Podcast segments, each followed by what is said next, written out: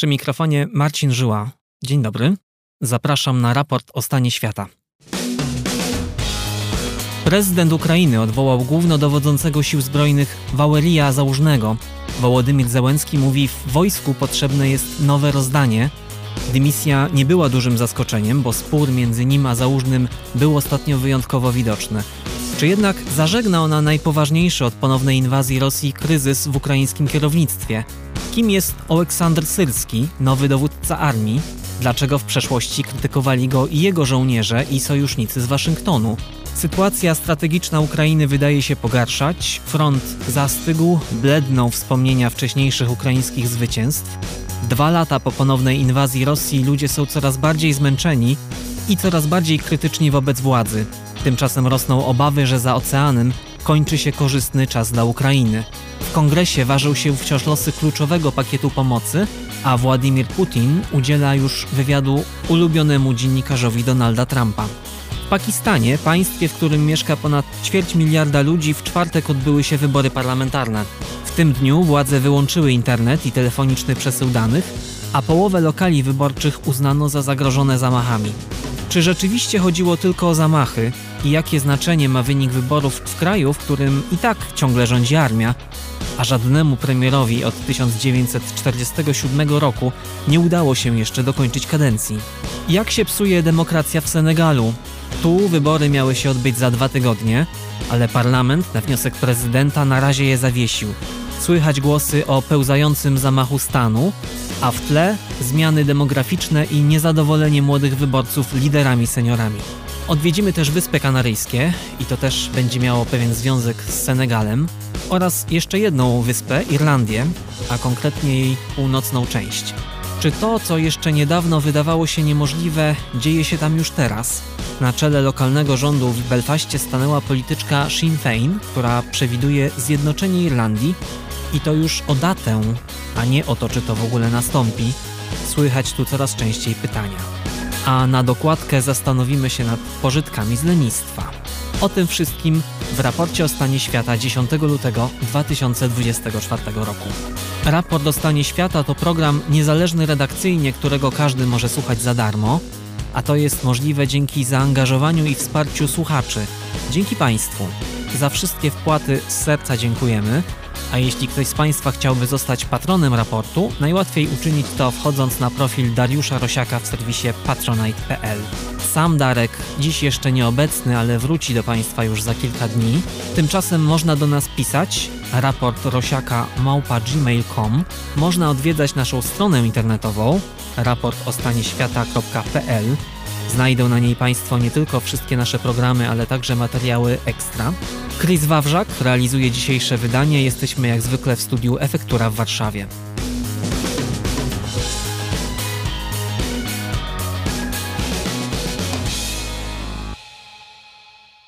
Prezydent Ukrainy odwołał popularnego w kraju naczelnego dowódcę sił zbrojnych generała Wałerija Załużnego. Podziękował mu za dwa lata obrony przed Rosją i zaproponował, jak to ujął, pozostanie w jego drużynie. Dymisja nie była zaskoczeniem, ponieważ już od pewnego czasu prezydent i generał publicznie się ze sobą wspierali, innymi o nową mobilizację do wojska. To temat teraz wyjątkowo niepopularny na Ukrainie. Tymczasem założnego zastąpił Oleksandr Syrski, dowódca kontrowersyjny, w pierwszych miesiącach wojny chwalony, ale oskarżany też o upartą, być może niepotrzebnie przedłużaną obronę Bachmutu, podczas której zginęło lub odniosło rany ponad 20 tysięcy ukraińskich żołnierzy. Jaki plan na wojnę ma nowy dowódca i jaki plan ma na nią teraz Wołodymir Zełenski? To są pytania wyjątkowo ważne teraz, bo z każdym dniem sytuacja strategiczna Ukrainy wydaje się pogarszać.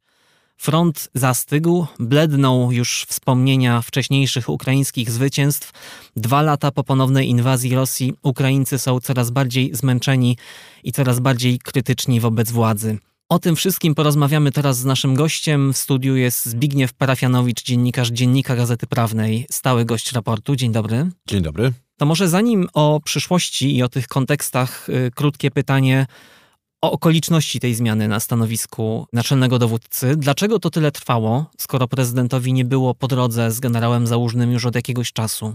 Zełański e, zależy od pomocy wojskowej, od najważniejszego sojusznika, jakim są Stany Zjednoczone. On takiej kluczowej decyzji nie mógł zrobić w, po pierwsze samodzielnie, a po drugie w jakiś gwałtowny i niezrozumiały dla sojuszników sposób. Oczywiście to jest zawsze taka relacja wiązana. Amerykanie nie mogą uparcie e, trzymać się stanowiska, że Zełański nie, nie, nie, ma prawa do decyzji kadrowych. To, jest, to, to, to by była relacja zbyt po, po, postkolonialna, żeby, żeby taki stan e, utrzymywać.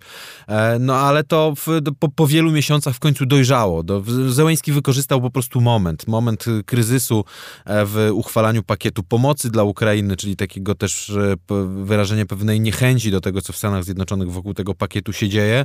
E, też od wielu miesięcy spinował tą informację o tym, że Załużny będzie musiał odejść.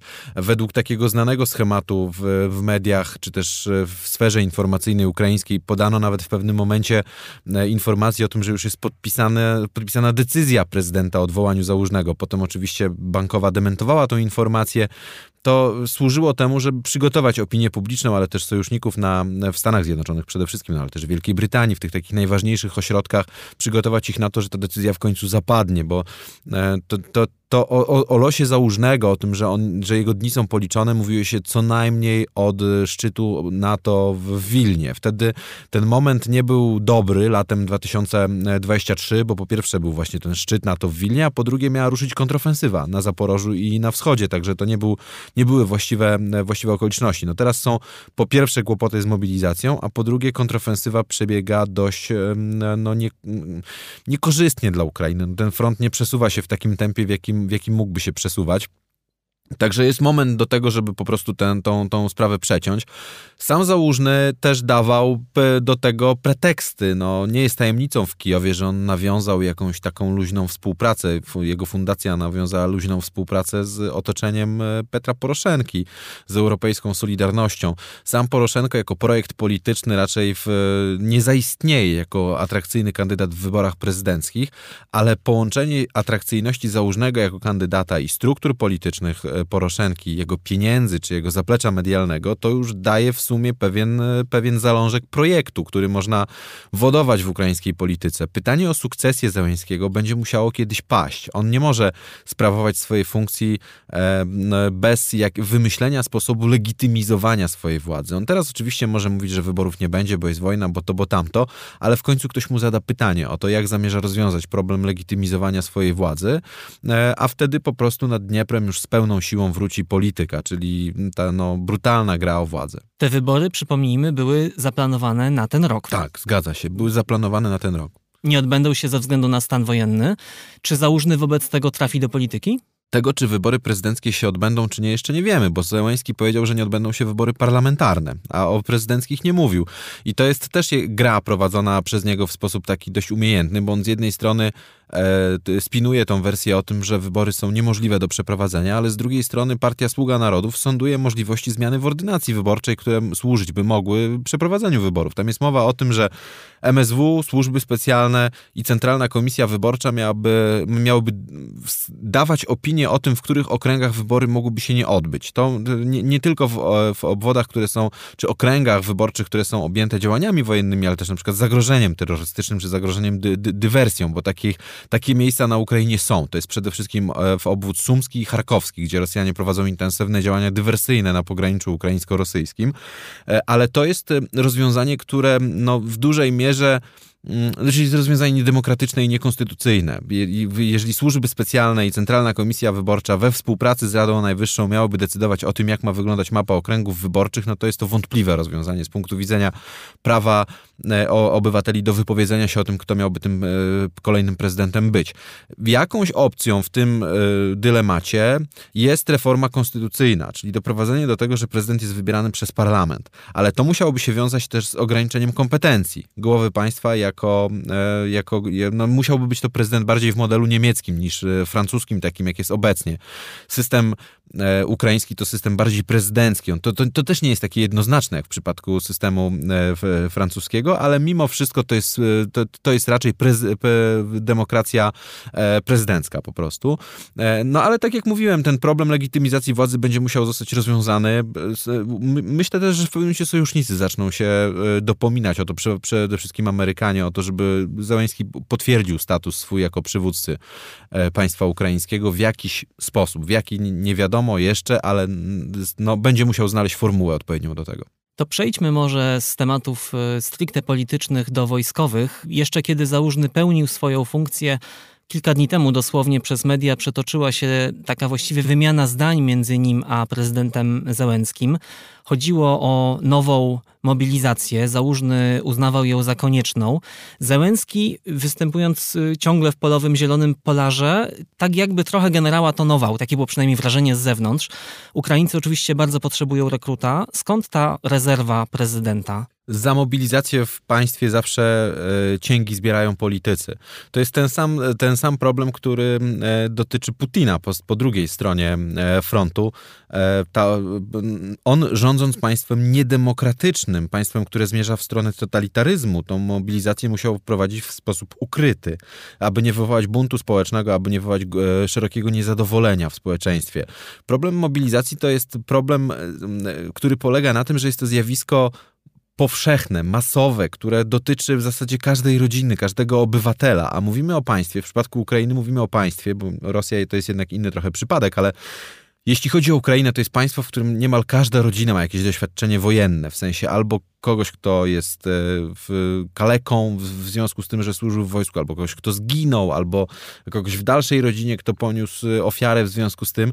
Także to jest e, społeczeństwo już bardzo mocno straumatyzowane, jeśli chodzi o wojnę, bo ta wojna nie trwa od lutego 2022, tylko od aneksji Krymu w 2014 i od wybuchu wojny z separatyzmem. Także to jest e, e, ogromny problem, który wiąże się z ceną polityczną, którą Załęski musiałby, musiałby zapłacić, gdyby zdecydował się na takie pociągnięcie bardzo radykalne do, do, dotyczące mobilizacji. Z drugiej strony paradoks polega na tym, że nikt Załęskiego nie będzie traktował poważnie, jeśli chodzi o dostawy broni, jeżeli on on nie udowodni, że jest w stanie mobilizować naród do walki.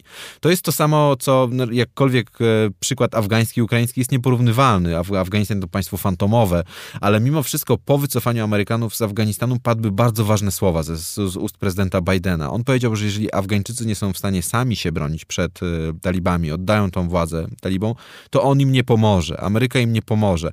I to w zasadzie nikt tego wprost na konferencji prasowej nie powie na tym etapie wojny, ale gdzieś tam w metatezie ten komunikat jest obecny, że przede wszystkim e, to Ukraina musi udowodnić, że chce dalej skutecznie tą wojnę prowadzić, a udowodnić to może tylko przez mobilizację, przez zrotowanie oddziałów, które po prostu często na Podkupiańskim czy na Zaporożu walczą od, od roku czy od, od półtorej roku w, niezmieniane po prostu na tych odcinkach.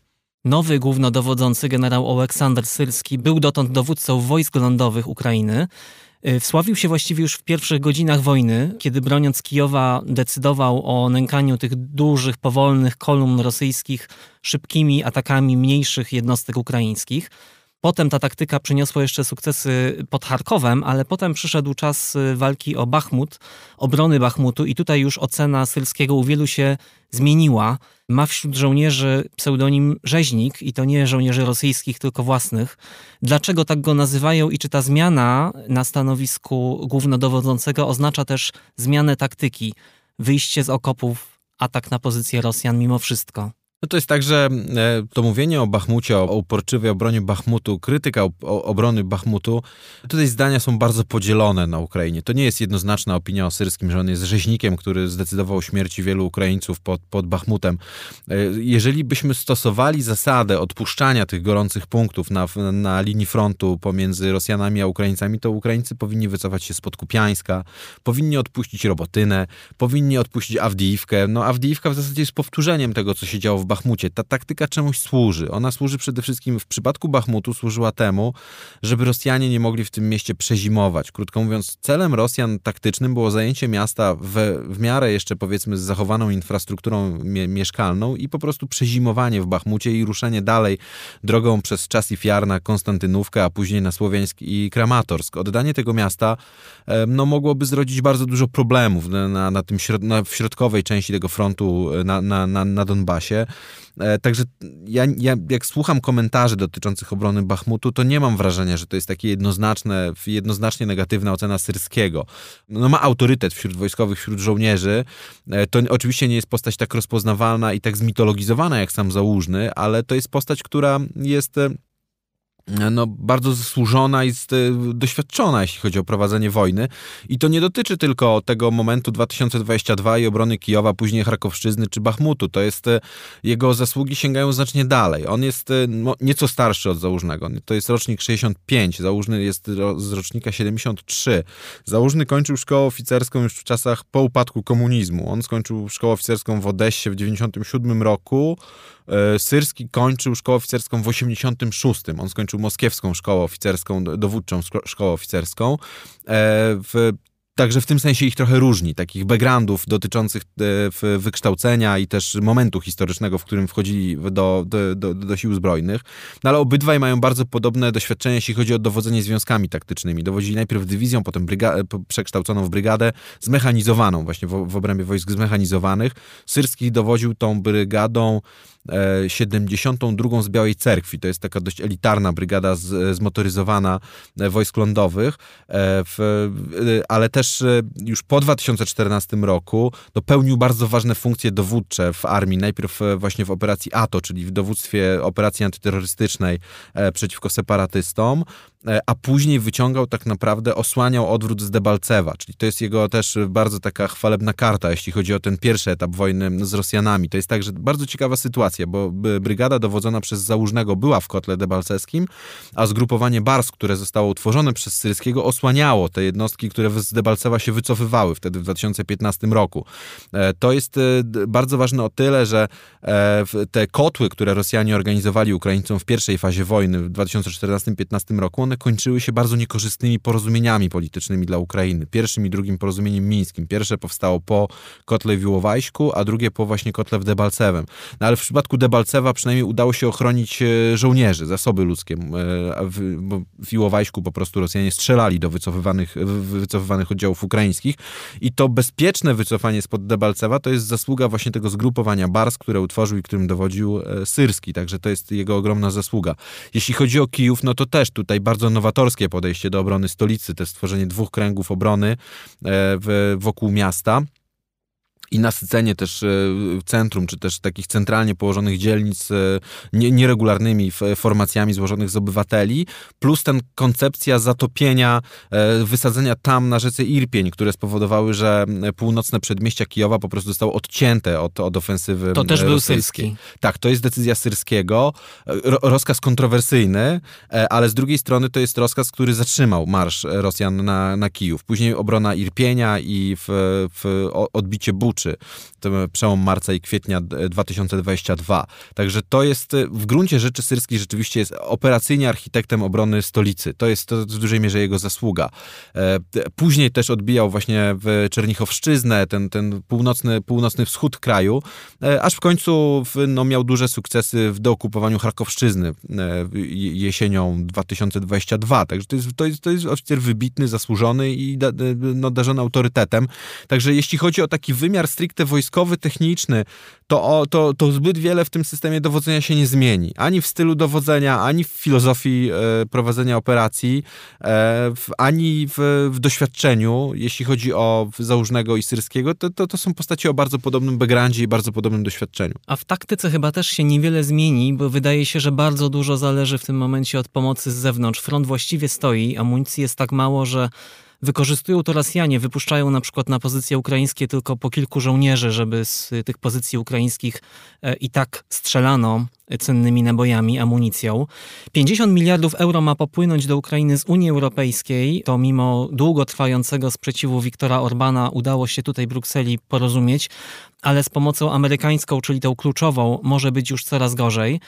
Czy to nie jest właśnie teraz tak, że Ukraina ma taki diaboliczny niemalże wybór? Albo ryzykować ofensywę za cenę prawdopodobnie dużych strat, albo alternatywa pogodzić się z myślą, że będzie trzeba siąść do rozmów oficjalnie nie wypływa jeszcze temat rozmów. No, to też jest związane z polityką. No, ten, kto zdecyduje się pierwszy poruszyć problematykę koncesji terytorialnych, no ten najwięcej straci politycznie na Ukrainie.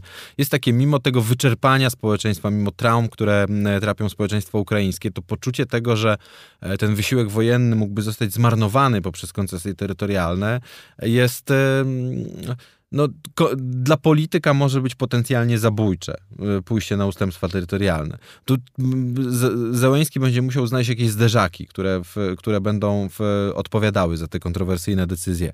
E, chociaż z drugiej strony gdzieś tam w metatezie jest jasne, że na pewne ustępstwa Ukraina będzie musiała pójść w przypadku, w przypadku rozmów. E, I tutaj największym, najbardziej perspektywicznym tym obiektem ustępstw są kwestie dotyczące Krymu. I tu nie mówimy o tym, że Ukraina zaakceptuje status Krymu jako terenu okupowanego czy części Federacji Rosyjskiej, jak uważa Władimir Putin, tylko chodzi o zamrożenie tych rozmów na określoną liczbę lat. I to jest koncepcja, którą gdzieś już e, zwodował publicznie jeden z oficjeli wokół Wołodymyra Załęskiego, to jest, jest zastępca admi szefa administracji Załęskiego, e, Andrzej Sybicha, doświadczony dyplomata, wybitny też dyplomata. On mówił o tym w wywiadzie dla Financial Times e, w kwietniu ubiegłego roku. To miało służyć jakby takiemu uspokojeniu Francji Chin przede wszystkim w kwestii stan stanowiska ukraińskiego. Miało pokazać, że Ukraina jest gotowa do pewnego rodzaju tutaj elastyczności w tych kwestiach. E, oczywiście Sybicha zaznaczył, że to nie wyklucza odbicia siłowego e, Krymu, ale to jest też taka sugestia, że jeżeli Ukraińcy będą coś na początku chcieli poruszyć, to to będzie kwestia z e, jakby możliwości zamrożenia rozmów o statusie Krymu. Sybicha mówił o 99 latach. To jest też pomysł, który opisywaliśmy, tę koncepcję, zanim on to publicznie powiedział, opisywaliśmy to w Dzienniku Gazecie Prawnej na, na bazie informacji z administracji prezydenta, ale tak, no to, to, to będzie musiało być kiedyś przedmiotem jakiejś analizy i rozmów ze strony, ze strony ukraińskiej. E, przy czym no, takie zamrożenie konfliktu, czyli to, co dzisiaj zasugerował w wywiadzie, e, w, w, tym wywiadzie w cudzysłowie z amerykańskim dziennikarzem e, Putin, to takie, taka, taka próba zamrożenia konfliktu, no to to jest zaproszenie do kolejnej wojny. To jest mimo wszystko zamrażanie konfliktów, produkowanie jakiegoś porozumienia Mińsk 3 umownego, no to jest perspektywa wybuchu kolejnego konfliktu za 10 lat, za, za 8-10 lat. Zbigniew Parafianowicz z Dziennika Gazety Prawnej był gościem raportu o stanie świata. Bardzo dziękuję. Dziękuję.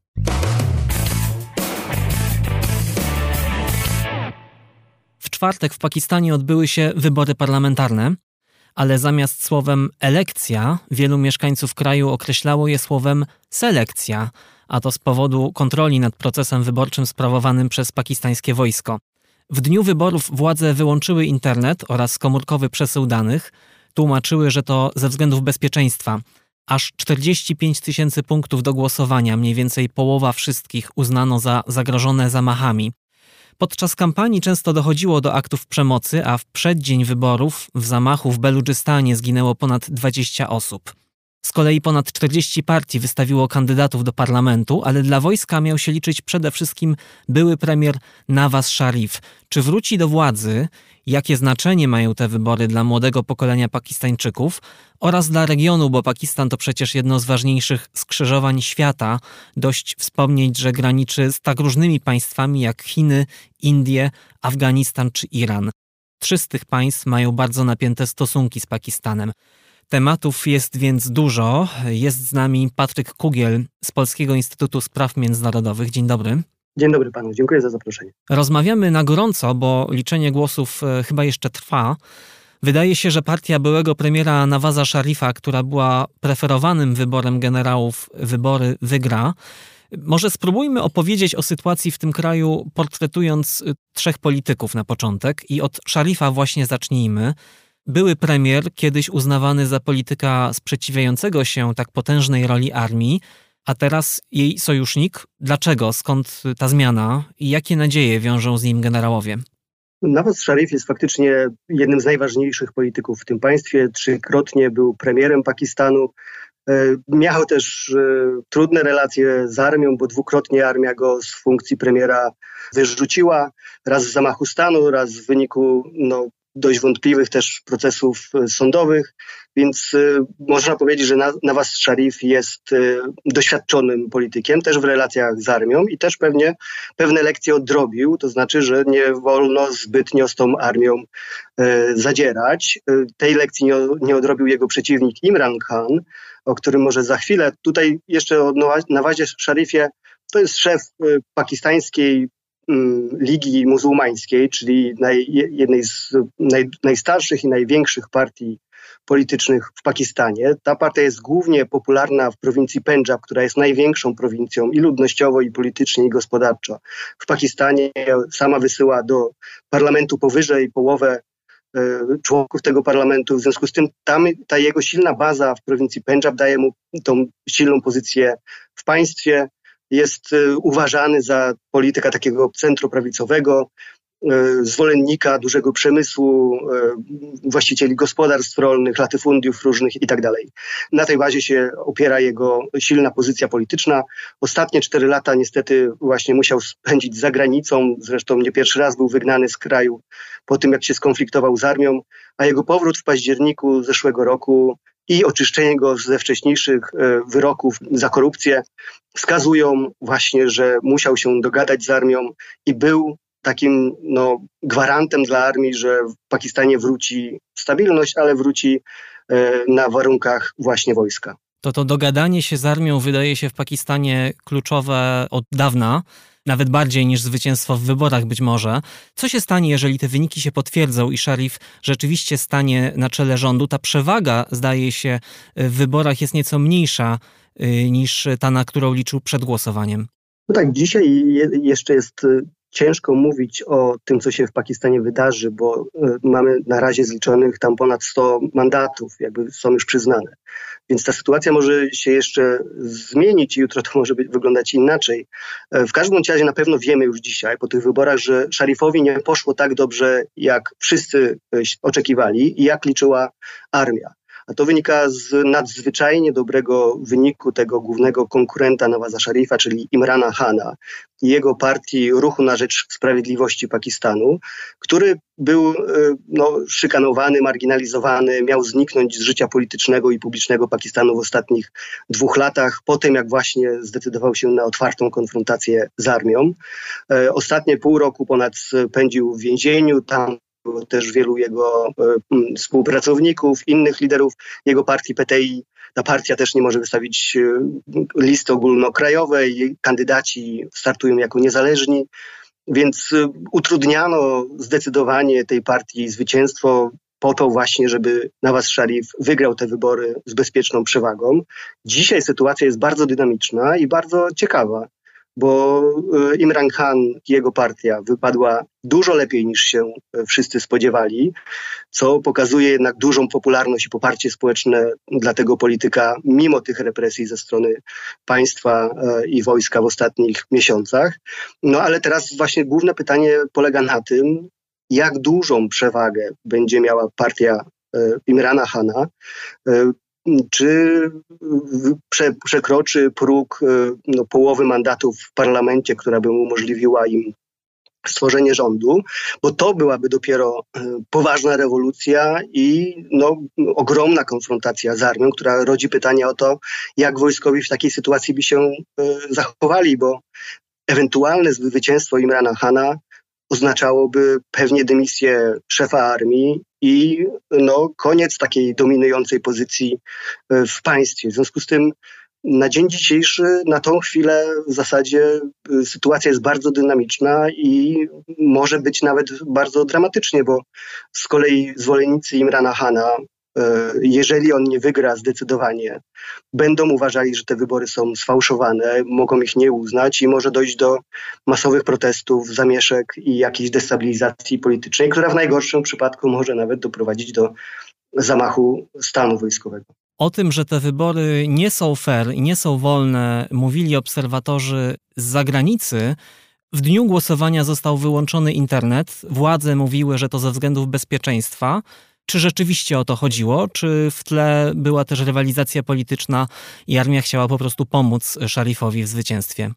Ja myślę, że to oba czynniki tutaj odegrały swoją rolę, bo trudno zaprzeczyć faktowi, że sytuacja bezpieczeństwa w Pakistanie jest y, trudna, jest nie najlepsza. Pogarsza się od dwóch lat, odkąd talibowie przejęli władzę w sąsiednim Afganistanie. I organizacje terrorystyczne, które tam były, szukają dzisiaj szczęścia na terytorium Pakistanu. W Afganistanie też e, swoje bazy i wsparcie mają talibowie pakistańscy z kolei, którzy przez ostatnie 20 lat wspierali talibów w Afganistanie.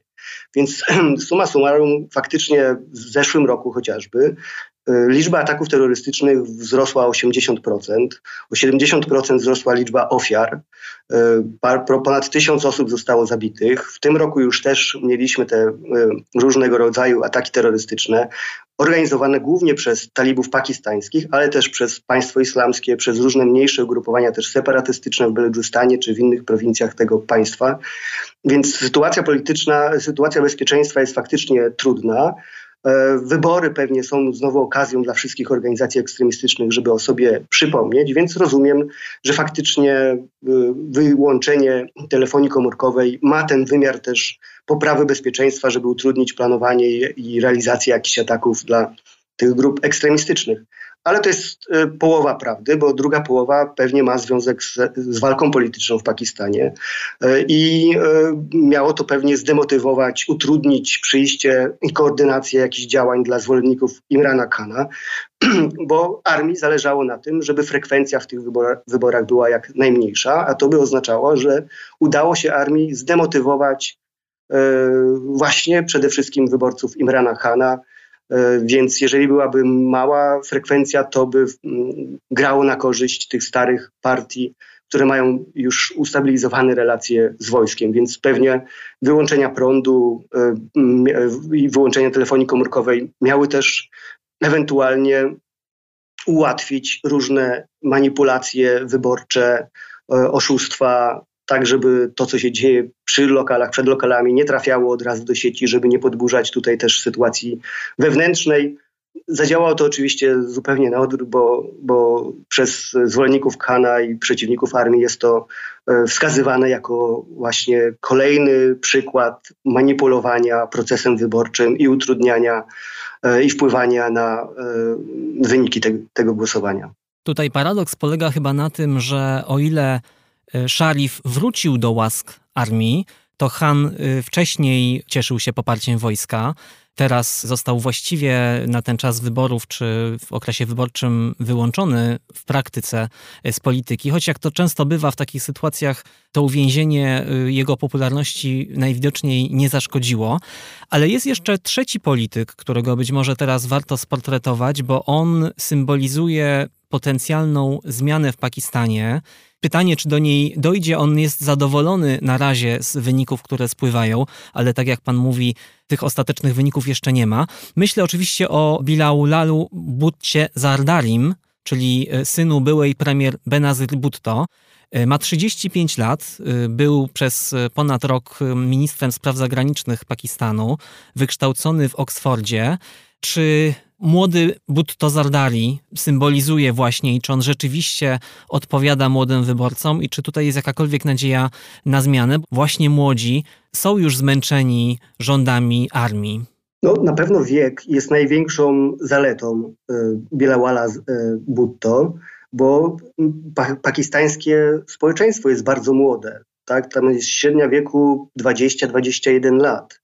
E, w związku z tym inni politycy, ci, którzy są w tej polityce od lat, jak Nawaz Sharif, który ma 75 lat, czy Imran Khan, który też ma ponad 70, no oni wydają się może trochę już odklejeni od tych potrzeb e, młodego mm, społeczeństwa. E, więc tutaj jest szansa, że młody Bhutto mógłby jakoś nawiązać lepszą relację z tymi młodymi Pakistańczykami. E, jego obciążeniem jednak chyba bardziej niż atutem jest jego nazwisko. To znaczy on znowu reprezentuje tą dynastię pakistańską, tak, która rządziła Pakistanem na przemian przez ostatnie 70 lat.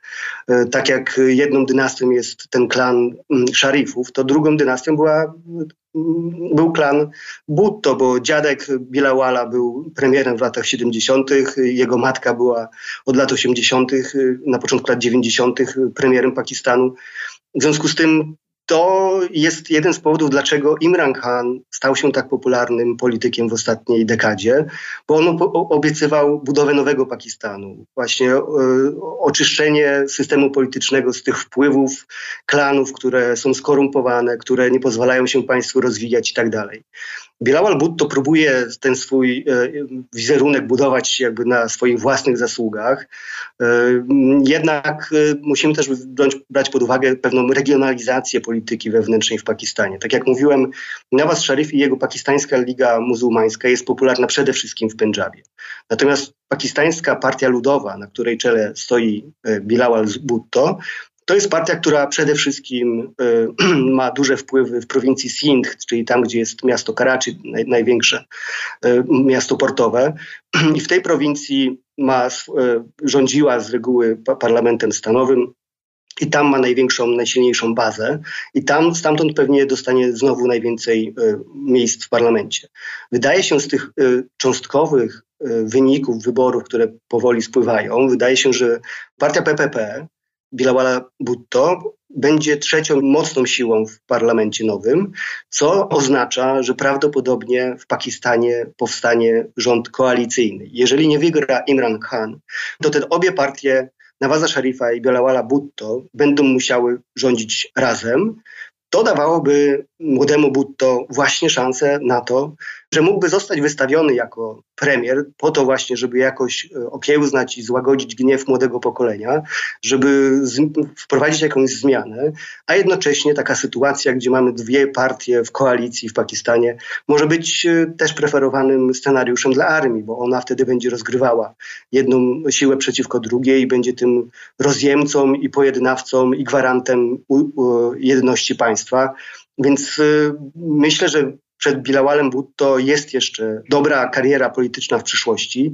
Może już po tych wyborach, a prawdopodobnie za kilka lat będzie to jeszcze bardziej popularny polityk. E, ma też szansę pewnie przejąć część wyborców Imrana Khana, bo Imran Khan proponuje takie rozwiązania gospodarcze przynajmniej, które są mm, w pewnym sensie takie socjalistyczne, bardziej lewitowe, e, równościowe, a Partia Ludowa y, Bielała Bhutto właśnie jest taką partią centrolewicową, która też y, podobne hasła głosi, więc y, to wezwanie do równości, do walki z nierównościami, do walki z korupcją, to są też hasła, które rezonują w społeczeństwie. I jeżeli Pakistańczycy młodzi nie będą mogli głosować na Imrana Khana, to pewnie część z nich przynajmniej może swoją sympatię przerzucić na młodego i obiecującego Bilała Bhutto. Zapytam jeszcze o kontekst Pakistanu w regionie Azji Południowej. Dwa tygodnie temu mniej więcej na pierwszych stronach gazet czytaliśmy o tym sporze Iranu z Pakistanem. To była taka wymiana ciosów, dwa naloty, najpierw irański na prowincję Beludżystan, potem odpowiedź Pakistanu. Na tym się skończyło. Wydaje się, że stosunki dyplomatyczne powoli wracają do stanu sprzed tych ataków. Pan wspominał wcześniej o tym zagrożeniu atakami ze strony Afganistanu. Jakbyśmy mogli jeszcze zmapować na koniec rozmowy mm, Pakistan i sąsiadów. No pan redaktor na początku to doskonale scharakteryzował. Znaczy, Pakistan ma czterech sąsiadów, relacje z trójką z nich są bardzo trudne i napięte. E, I pogorszyły się w ostatnich e, kilku latach bo poza tym tradycyjnym arcyrywalem Pakistanu, czyli Indiami, to są dwa mocarstwa atomowe, które nie uznają przebiegu wspólnej granicy i które e, od czasu do czasu e, no, dokonują ostrzału wzajemnego swojego terytorium, więc tutaj jest e, tradycyjnie bardzo duża niepewność i niestabilność na granicy wschodniej Pakistanu.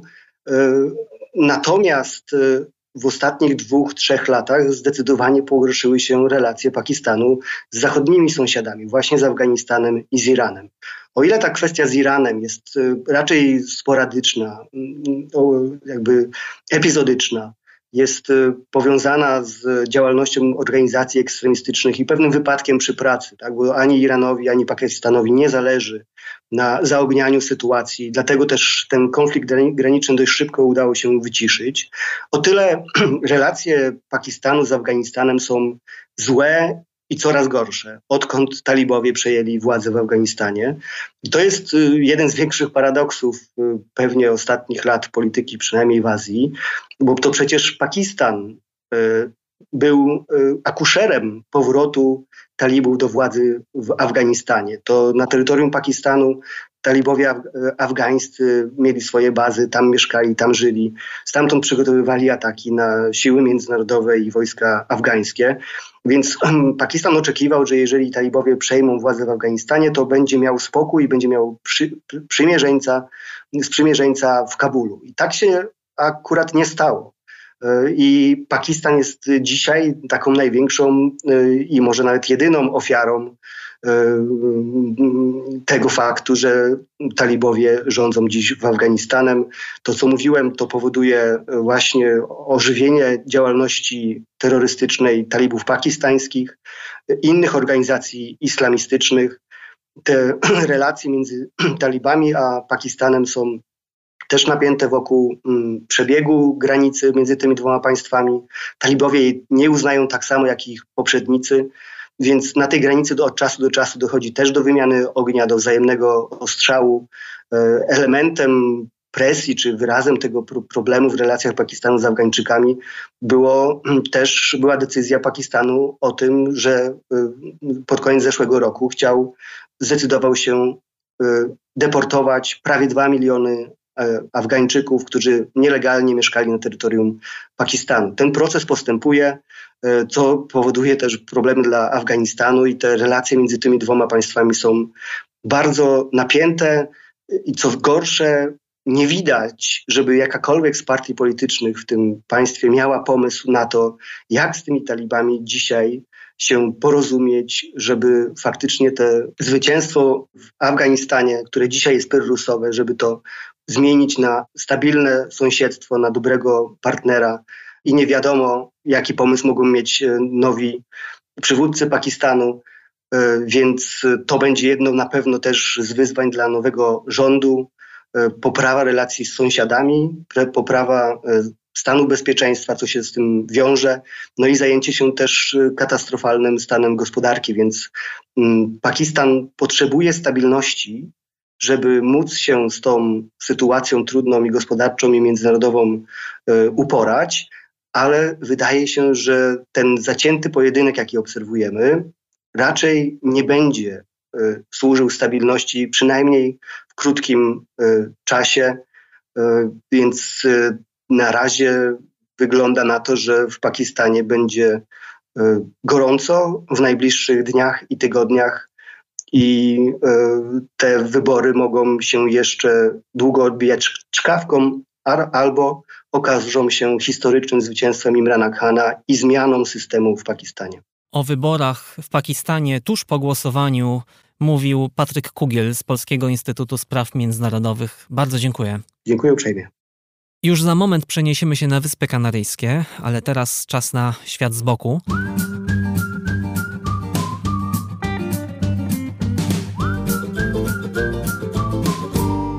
Grzegorz Dobiecki, na co dzień gospodarz programu Dzień na świecie w telewizji Polsat News, opowie o zaletach i przewagach pozycji horyzontalnej.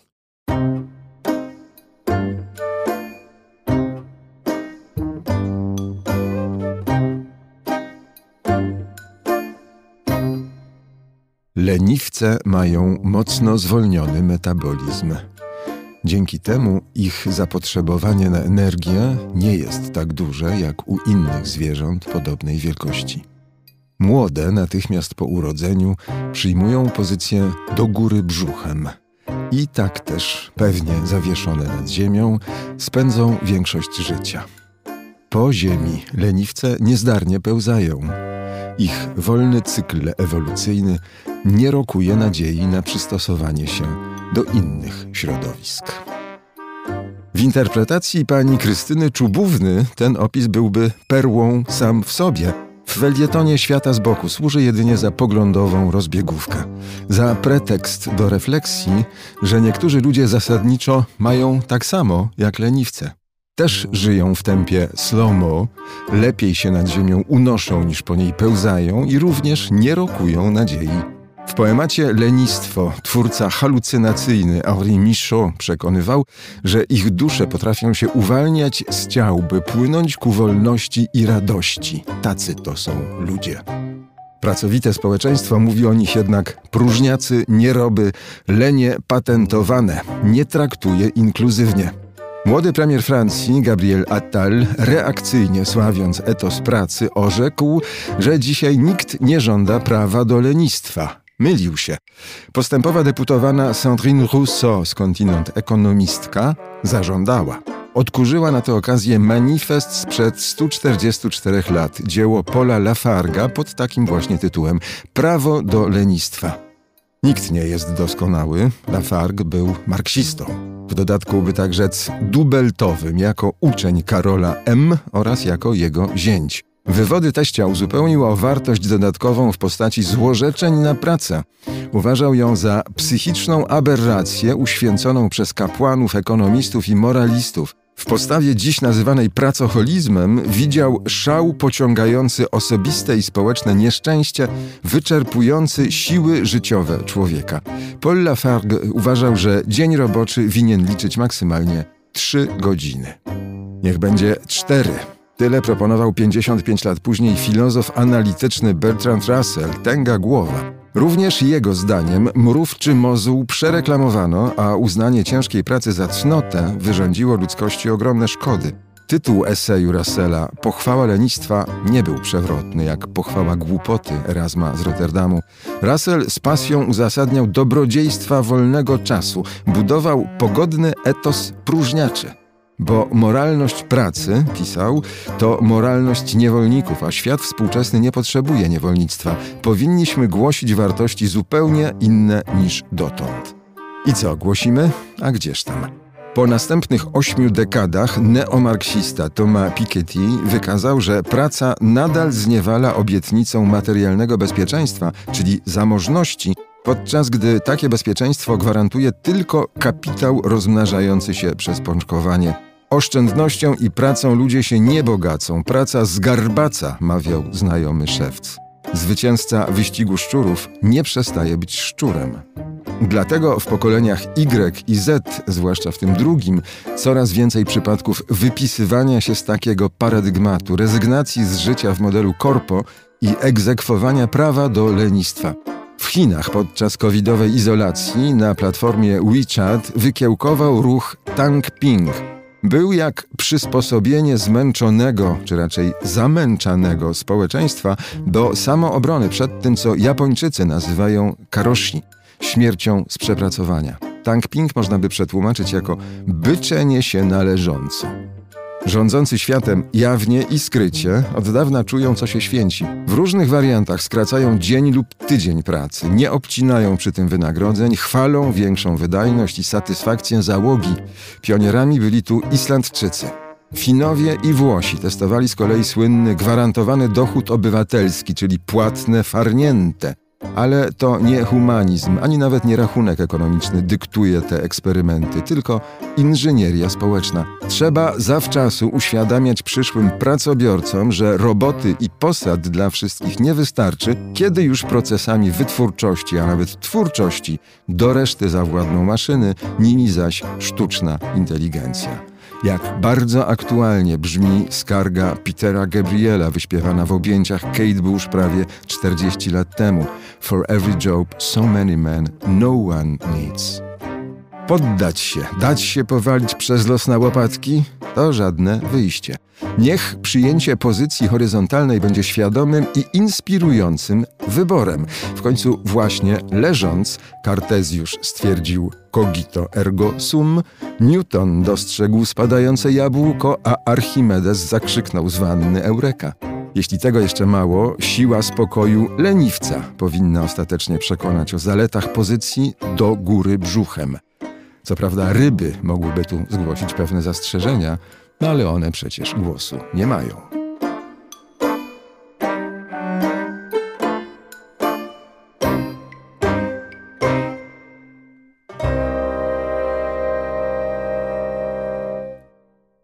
Drodzy Państwo, raport o stanie świata istnieje dzięki słuchaczom.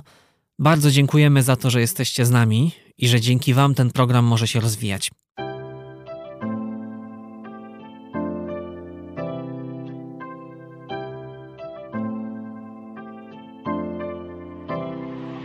Raport o stanie świata od marca 2020 roku rozwija się dzięki Państwa zaangażowaniu i szczodrości.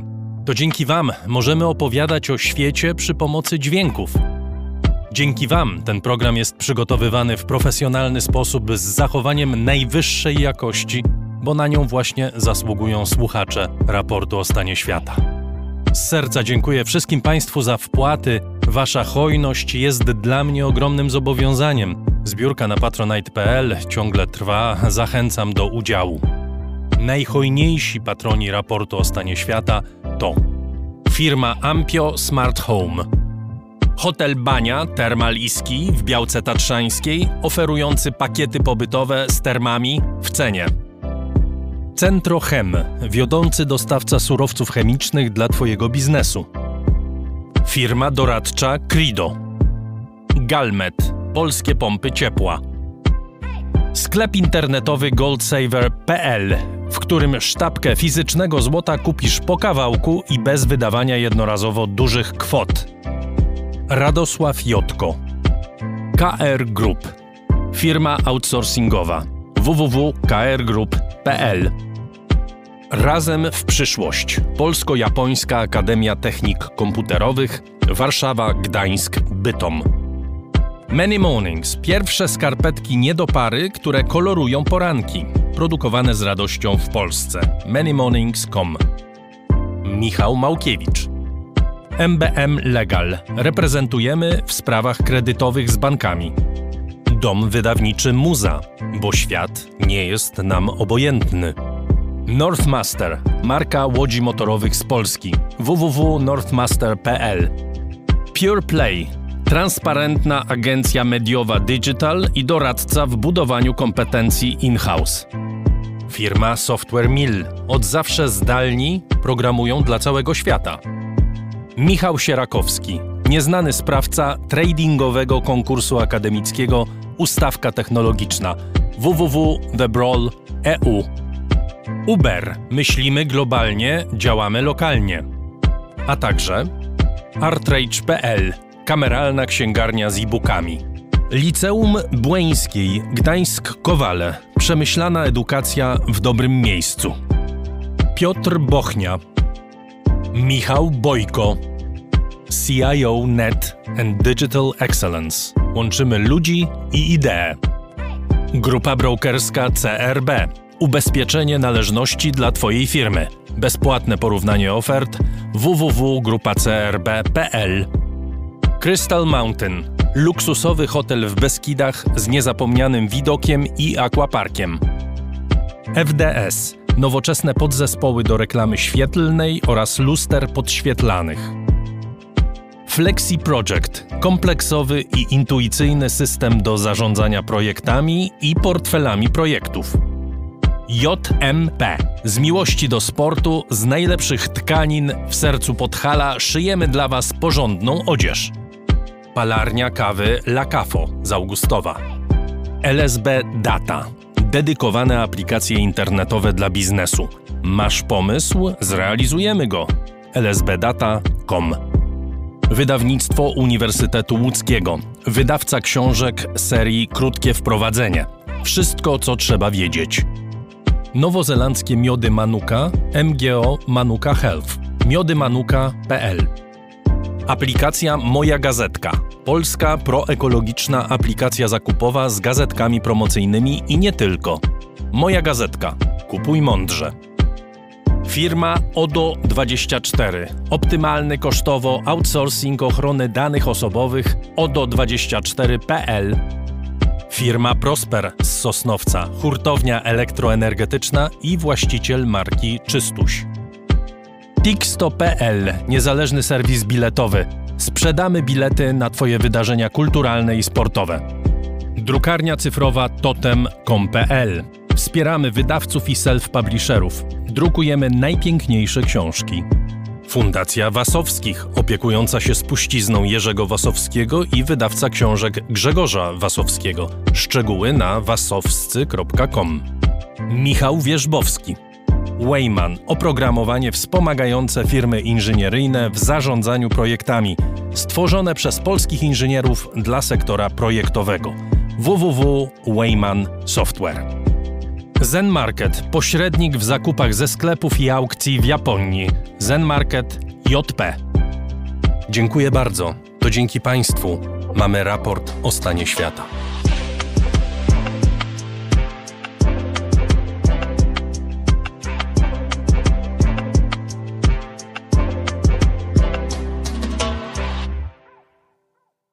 A za chwilę jeden z tych materiałów, z których najbardziej się cieszymy, że mogą powstawać dzięki Państwu. Kiedy słuchałem go przed emisją, wróciło do mnie pewne wspomnienie sprzed roku y, z Morza Śródziemnego, z rozmowy z pewnym migrantem, który opowiadał o tym, jak to przemytnicy ludzi, wyprawiając łodzie z wybrzeża Afryki w stronę Europy, czasem pożałują na pokładzie nawet najtańszego kompasu i mówią migrantom: płyńcie za księżycem. Księżyc w ciągu nocy oczywiście zmienia pozycję na niebie, łodzie krążą, błądzą, giną. Dlaczego właśnie to wspomnienie? Dlatego, że przeniesiemy się teraz na najbardziej oddaloną od Afryki wyspę archipelagu Wysp Kanaryjskich, czyli taką, którą jeśli się minie, jeśli ten księżyc, albo wiatr, albo prąd wody wyprowadzą nas w złym kierunku, to dalej jest już tylko ocean i raczej tylko śmierć. El Hierro, ta nazwa może nie mówić nam zbyt wiele, ale w hiszpańskich wiadomościach pojawia się często od kilku miesięcy. Na tej najmniejszej z Wysp Kanaryjskich tylko w styczniu zarejestrowano 3400 migrantów. Jak ta 11-tysięczna wyspa radzi sobie z ich przyjmowaniem? Jaki los czeka tych, którzy na nią dotrą? I czy zawsze, tak się przynajmniej stereotypowo wydaje, są to historie smutne? O tym posłuchamy teraz. To przyjemność zapowiedzieć pierwszy w raporcie materiał Agnieszki Zielińskiej, dziennikarki świetnie znającej i Hiszpanię, i tematykę migracji – Agnieszka wybrała się dla Państwa właśnie na El Hierro. Kiedy przypływa łódź, czekamy przy brzegu z noszami albo wózkiem inwalidzkim. Chore osoby od razu zabieramy do naszego punktu sanitarnego. 37 lat temu Alexis Ramos Ftes dołączył do Czerwonego Krzyża jako wolontariusz. Później przez lata pracował w oddziale ratunkowym 112 na Teneryfie. Teraz zarządza oddziałem Czerwonego Krzyża na kanaryjskiej wyspie El Hierro. Od października trwa tam stan nadzwyczajny związany z kryzysem migracyjnym. Alexis oprowadza mnie po nowo przygotowanych namiotach ratunkowych i logistycznych.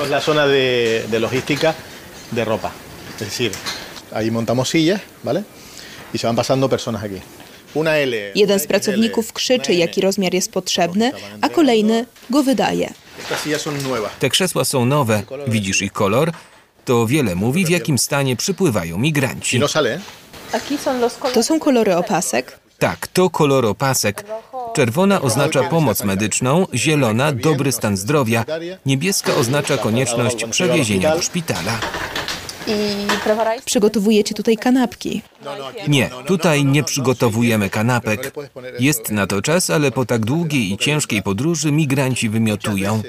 Często wymiotują nawet po wodzie i specjalnych napojach dietetycznych.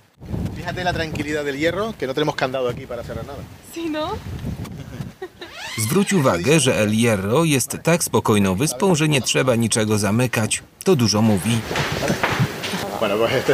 Teraz Alexis prowadzi mnie do namiotu sanitarnego.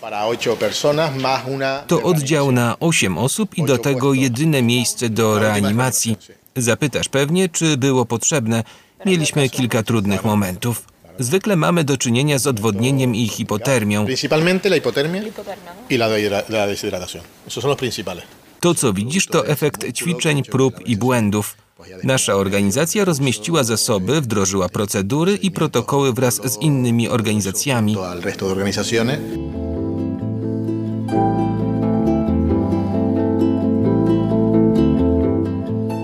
El Hierro to najmniejsza z wysp kanaryjskich. Ponad 58% jej obszaru jest pod ochroną, a ludność rozproszona jest w kilku mniejszych miejscowościach. El Hierro pozyskuje energię tylko z odnawialnych źródeł, a na jej całym terenie dostępne jest darmowy Wi-Fi. Wulkaniczna wyspa oprócz stromych klifów, basenów naturalnych i panoramicznych widoków porośnięta jest gęstym lasem z sosnami kanaryjskimi.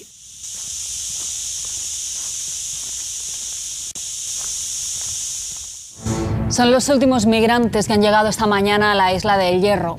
O El Hierro od lata słychać niemal codziennie w hiszpańskich mediach. Wyspa ma zaledwie 278 km2 i zamieszkiwana jest przez 11 tysięcy mieszkańców. a tylko w styczniu dotarło tu ponad 3600 migrantów z Afryki.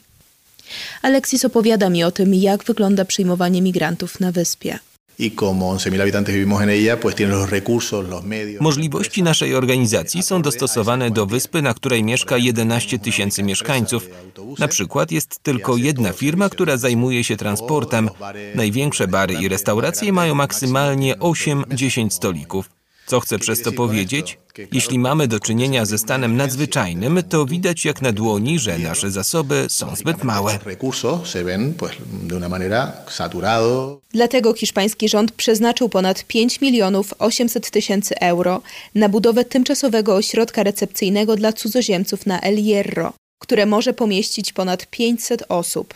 Tam migrantom robione są zdjęcia, pobierane odciski palców i nadawany jest numer identyfikacyjny obcokrajowców. A w ciągu 72 godzin migranci transportowani są na inne, większe wyspy kanaryjskie lub do Hiszpanii kontynentalnej.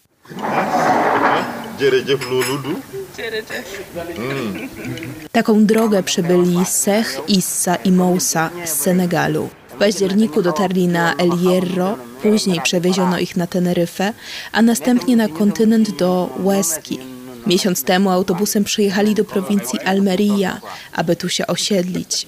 W tym regionie Hiszpanii mieszka wielu Senegalczyków, dlatego młodzi mężczyźni liczą, że tu uda im się znaleźć pracę. Prowincja Almeria słynie z licznych szklarni, w których przez cały rok uprawia się warzywa i owoce. Dlatego każdego ranka Sech, Issa i Mousa zbierają się na największym rondzie w mieście i wyczekują na właścicieli szklarni. Do tej pory bez żadnego rezultatu, a ich oszczędności z dnia na dzień się kurczą. Rozmawiamy w jednej z kawiarni w Roquetas de Mar. Moussa opowiada mi, dlaczego chciał dotrzeć do Hiszpanii. Chcemy tylko uczciwie pracować i pomóc rodzinie w Senegalu. Nie oczekujemy niczego za darmo. Praca to nasz jedyny cel.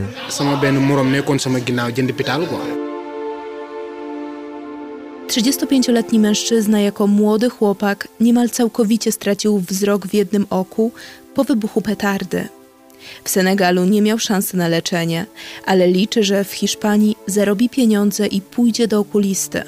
32-letni Sech zdecydował się przypłynąć do Hiszpanii, bo chciał, aby jego rodzina miała przyszłość. Jego imię oznacza mistrz, profesor, choć nigdy nie miał szansy na naukę. Jako dwunastolatek zaczął pracować jako rybak, aby pomóc swoim rodzicom. Jak mówi, po 20 latach pracy jest coraz gorzej. Mali rybacy nie mogą już rywalizować z połowem przemysłowym. Sech, jako najstarszy z rodzeństwa, zgodnie z tradycją, musi utrzymywać nie tylko rodziców, ale także pomagać młodszym siostrom i braciom. W Senegalu jest praca, ale co z tego, skoro prawie niczego się nie zarabia? Całe dnie spędzasz w pracy, a nie możesz nawet wyżywić swojej rodziny. Wszystko, co zarobisz, dzielisz z rodzicami i rodzeństwem, a wtedy już nic nie zostaje.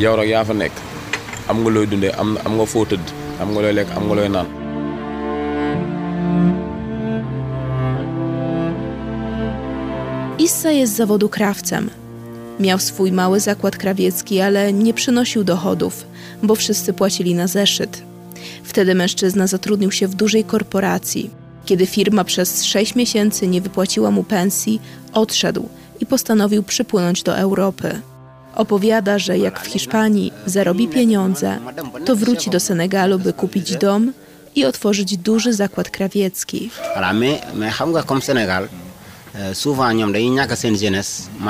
W Senegalu powszechnie wyzyskuje się młodych. Firmy zatrudniają cię i mówią, że przecież dopiero się uczysz i dlatego płacą ci część pensji albo w ogóle. Ile tak można wytrzymać? Miesiące? Lata? Rząd nic z tym nie robi. Ja już miałem dość. Starałem się, nawet zaprojektowałem ubranie, które spodobało się szefowi, ale za to też mi nie zapłacili. Zrozumiałem, że niezależnie od tego, co zrobię i jak bardzo będę się starał, to i tak nie ma żadnych szans na poprawę.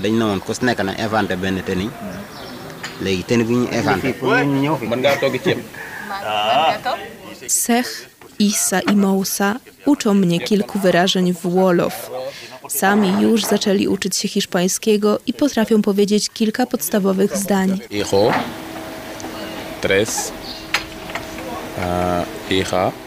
Na razie stać ich tylko na wynajem łóżka w wieloosobowych pokojach. Nie tracą nadziei, zwłaszcza Sech. Kiedy rozmawiam z moim ojcem, mówi, że trzeba być cierpliwym i że jest nadzieja na znalezienie pracy, a to najważniejsze. Przypominam sobie, że kiedy jako nastolatek przez rok łowiłem ryby i mi nie płacili, to ojciec mówił mi w tamtym momencie, że nie zawsze w życiu chodzi o pieniądze. Czasem chodzi o naukę i doświadczenie.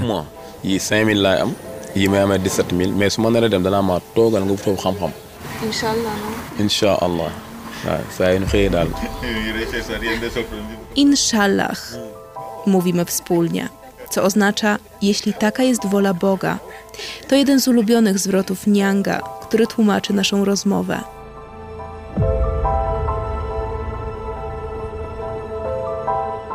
Od zera zaczynał też Adam, który również pochodzi z Senegalu. Jako szesnastolatek wraz z innymi migrantami dotarł na łódce na Majorkę. Od tamtego czasu minęło 16 lat. Dziś Adam jest tłumaczem z francuskiego i Wolof, współpracującym z hiszpańską policją krajową przy rozmowach z migrantami. No Najgorsza jest niepewność. Gdzie się znajdziesz następnego dnia? Przypływasz na tratwie do Hiszpanii, a potem słyszysz: wejdź do autobusu i zastanawiasz się, gdzie jadę. Kolejnego dnia statek. Mówią ci, dokąd cię przenoszą, ale i tak tego nie rozumiesz. No Adam wie, co czują migranci, bo sam jako nastolatek przebył podobną drogę. Miał dołączyć do wuja, ale ostatecznie wylądował w centrum dla nieletnich, gdzie nauczył się języka i zdobył zawód elektryka. Adam mówi, że w jego budynku nie ma skrzynek pocztowych. Wszyscy sobie ufają, więc listonosz zostawia listy pod drzwiami do budynku. Adam pokazuje mi swoje mieszkanie.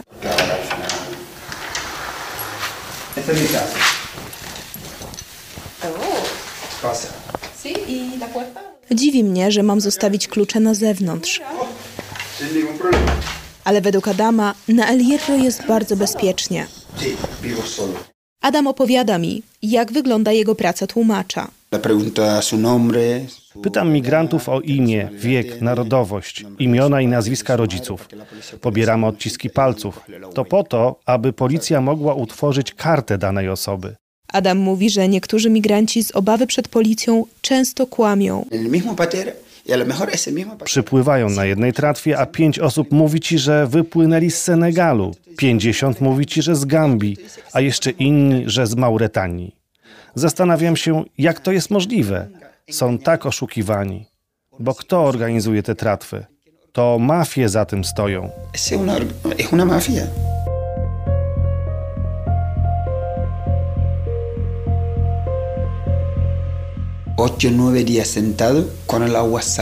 Wyobraź sobie, że siedzisz 8-9 dni na desce, przemoczona i w słonej wodzie. Ludzie, którzy teraz docierają na wyspę, bardzo źle to znoszą. Woda w oceanie jest bardzo zimna.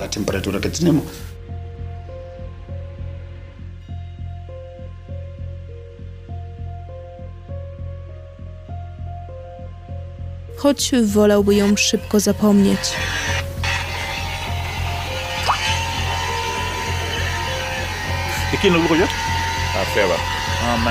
Kiedy z Niangiem, moim tłumaczem, pytamy o dwie osoby leżące w bezruchu, odpowiada, że żyły, ale były w bardzo złym stanie. Kiedy zepsuła nam się łódka, wiedziałem, że jedyne co nam pozostało to modlitwa. Były momenty, kiedy czułem, że zaraz umrzemy. Do tego te wysokie fale. Kiedy to mówi, spogląda na pobliski budynek, aby pokazać wysokość fal. Sech opowiada też, że zaraz po tym, jak wyszli na ląd w porcie La Restinga, ich łódka się rozpadła.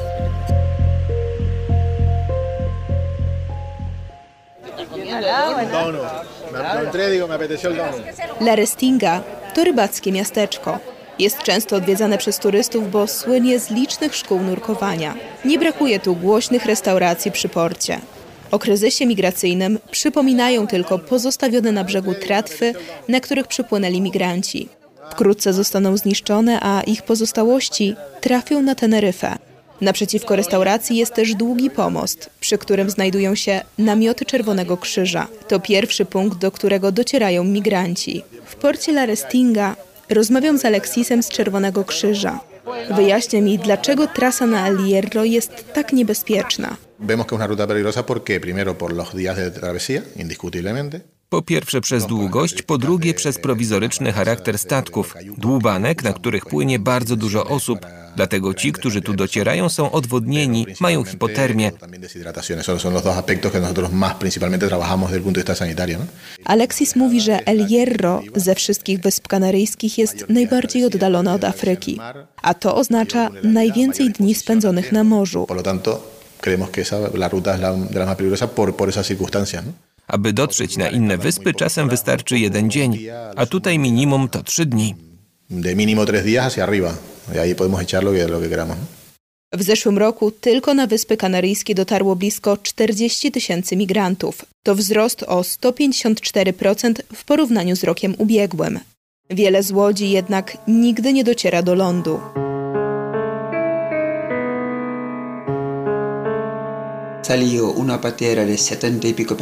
Pamiętam, jak odwiedzałem rodzinę w Senegalu i usłyszeliśmy, że z jednej wsi wypłynęła tratwa z siedemdziesięcioma kilkoma osobami.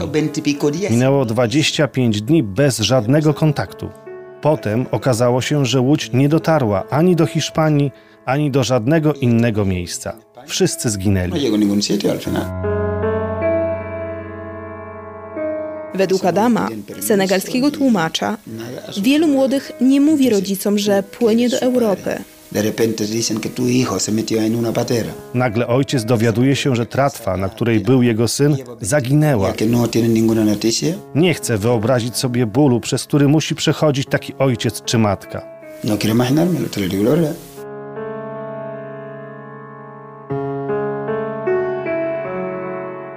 W ubiegłym roku na prowizorycznych łodziach na Wyspy Kanaryjskie dotarło ponad 4,5 tysiąca dzieci i nastolatków bez rodziców. Kiedy nie mają dokumentów, a ich wiek budzi wątpliwości, przeprowadzone są radiografie, zwykle nadgarstka. Bywa jednak, że nieletni w przepełnionych centrach recepcyjnych myleni są z dorosłymi. Hiszpańska prokuratura bada 200 takich przypadków. Mówi profesor do spraw migracji i geografii Pablo Pumares z Uniwersytetu w Almerii. Analizy wieku migrantów, które się przeprowadza, są bardzo szacunkowe, a margines błędu duży. To, czy ktoś ma 18 lat, to kwestia nawet kilku dni, a to ciężko wykazać w badaniu. Ponadto każda osoba rozwija się w różnym tempie. Dla nich ta różnica ma duże znaczenie. Jako nieletni są objęci ochroną, dostają szansę na edukację, a jako dorośli już nie. W ostatnim czasie na Wyspy Kanaryjskie docierają zwykle młodzi mężczyźni z Senegalu i Mauretanii. Być może wpłynęły na to większe kontrole wybrzeża, które prowadzą służby marokańskie. To efekt umów między rządem hiszpańskim i marokańskim. Najważniejszą przyczyną jest prawdopodobnie pogarszająca się sytuacja polityczna i ekonomiczna w Senegalu. Eh, digamos, los problemas políticos en, en Senegal. Wśród mieszkańców El Hierro głosy są podzielone. Wielu uważa, że aby zmniejszyć migrację, państwa europejskie powinny bardziej pomagać ekonomicznie krajom afrykańskim. Innego zdania jest Enrique, nauczyciel biologii i mieszkaniec Valverde, stolicy El Hierro. La gente pues tiene que huir de sus países con Ludzie muszą uciekać ze swoich krajów przez głód, biedę, przed wojną, prostytucją i przemocą. To zrozumiałe, że muszą szukać lepszego miejsca do życia. Nasi ojcowie, dziadkowie musieli też stąd emigrować do Ameryki Południowej, Kuby i dlatego to dobrze rozumiemy. Adamowi się udało. W Hiszpanii ma stabilną pracę, dom i przyjaciół.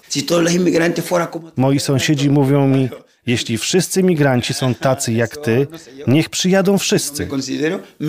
Ale ja nie uważam, że jestem lepszy od innych. Pracowałem na to ciężko i dzięki Bogu mi się udało.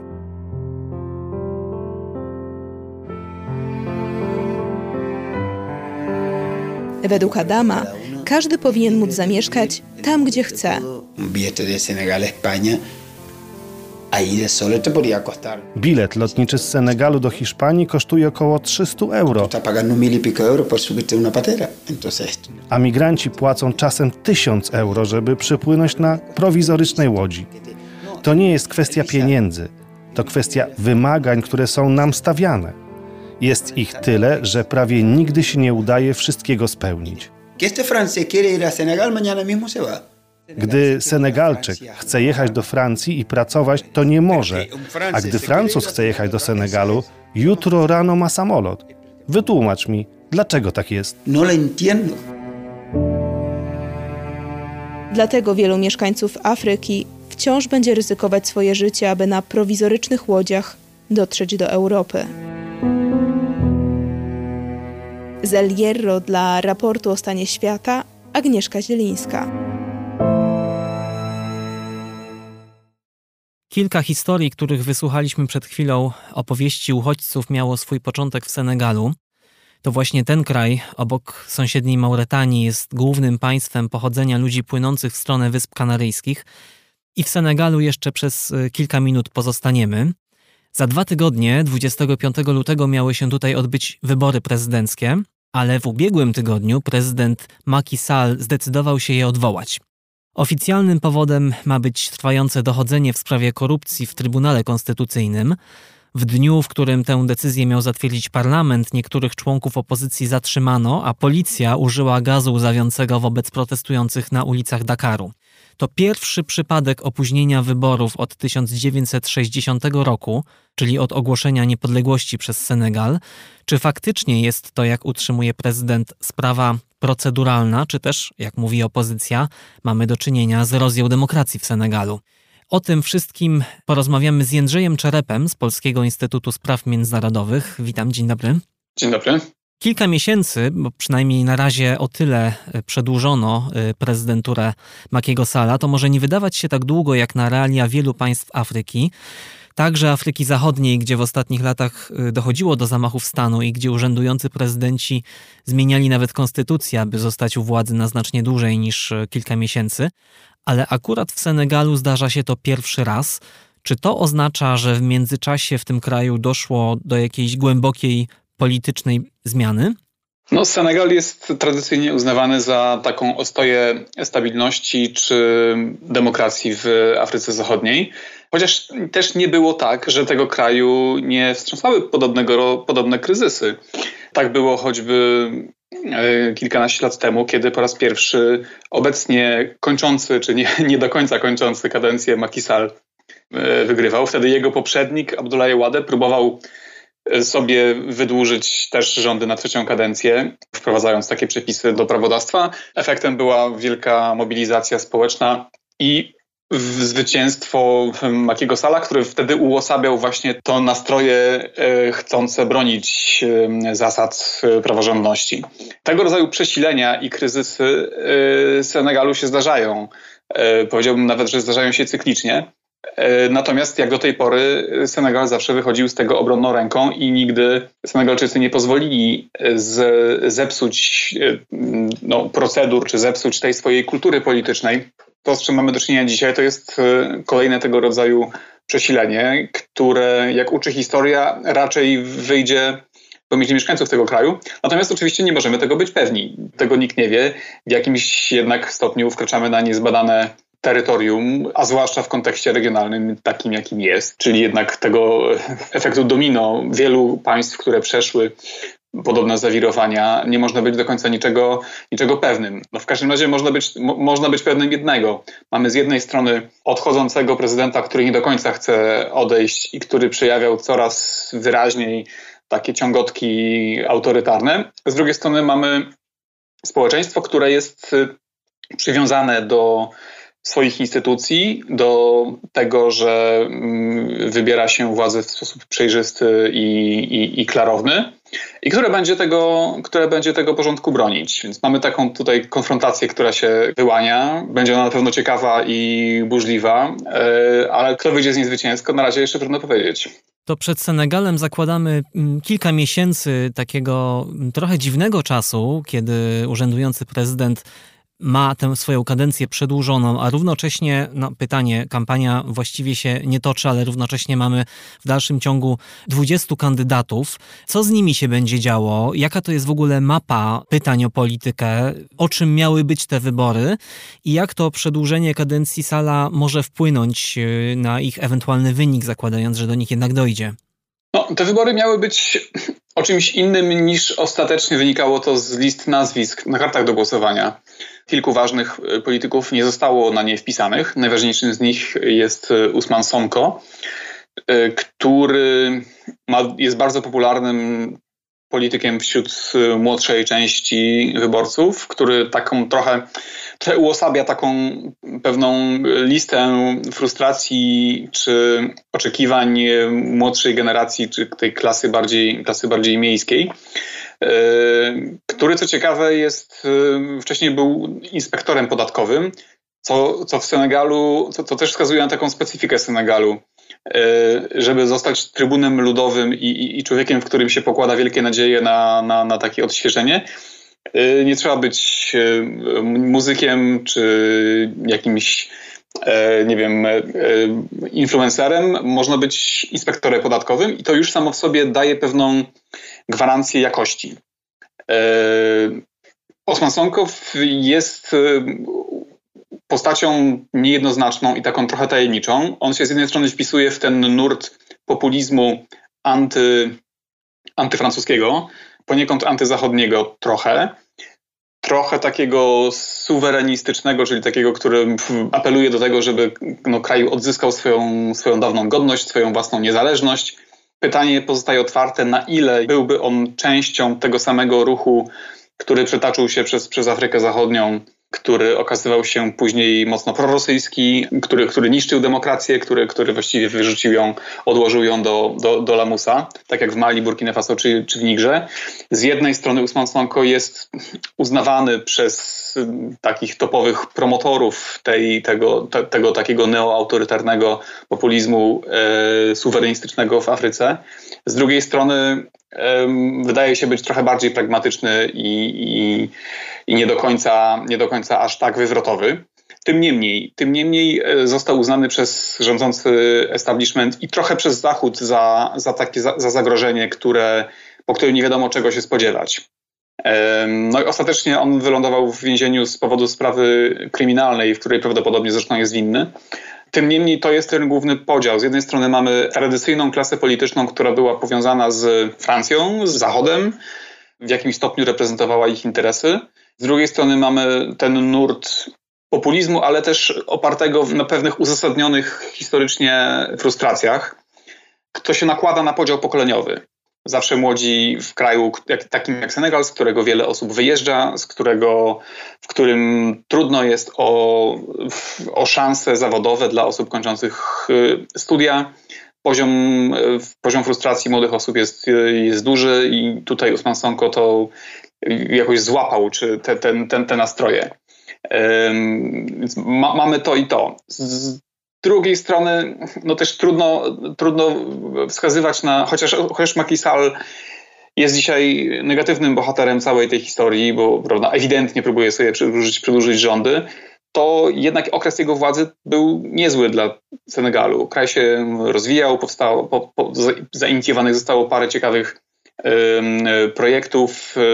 On przyczynił się do poprawy e, życia na prowincji, na wsi. To był też jego główny target. Można powiedzieć, że, że, że Macky Sall jest trochę człowiekiem, który patrzy bardziej na, na rolniczą prowincję, a Usman Sonko był tym bardziej, który patrzył na miasta ale w gruncie rzeczy to nie był zły przywódca. Jego okres mógłby być zapamiętany jako dobry dla kraju, gdyby nie to wszystko, od czego zaczęliśmy dzisiaj naszą, naszą rozmowę. A czy te dwa tematy, to znaczy niezadowolenie młodych i może inne generacyjne już e, postulaty polityczne, i wpływ Rosji w regionie y, jakoś się na siebie nakładają. To znaczy, czy Rosja ma czego szukać w Senegalu? Senegal oczywiście nie leży na Sahelu tym typowym, ale jednak z nim bezpośrednio graniczy. Czy to ma jakiś wpływ i czy Rosja mm, no, ma wpływ na wewnętrzną politykę Senegalu? Czy może też tę sytuację jakoś wykorzystać?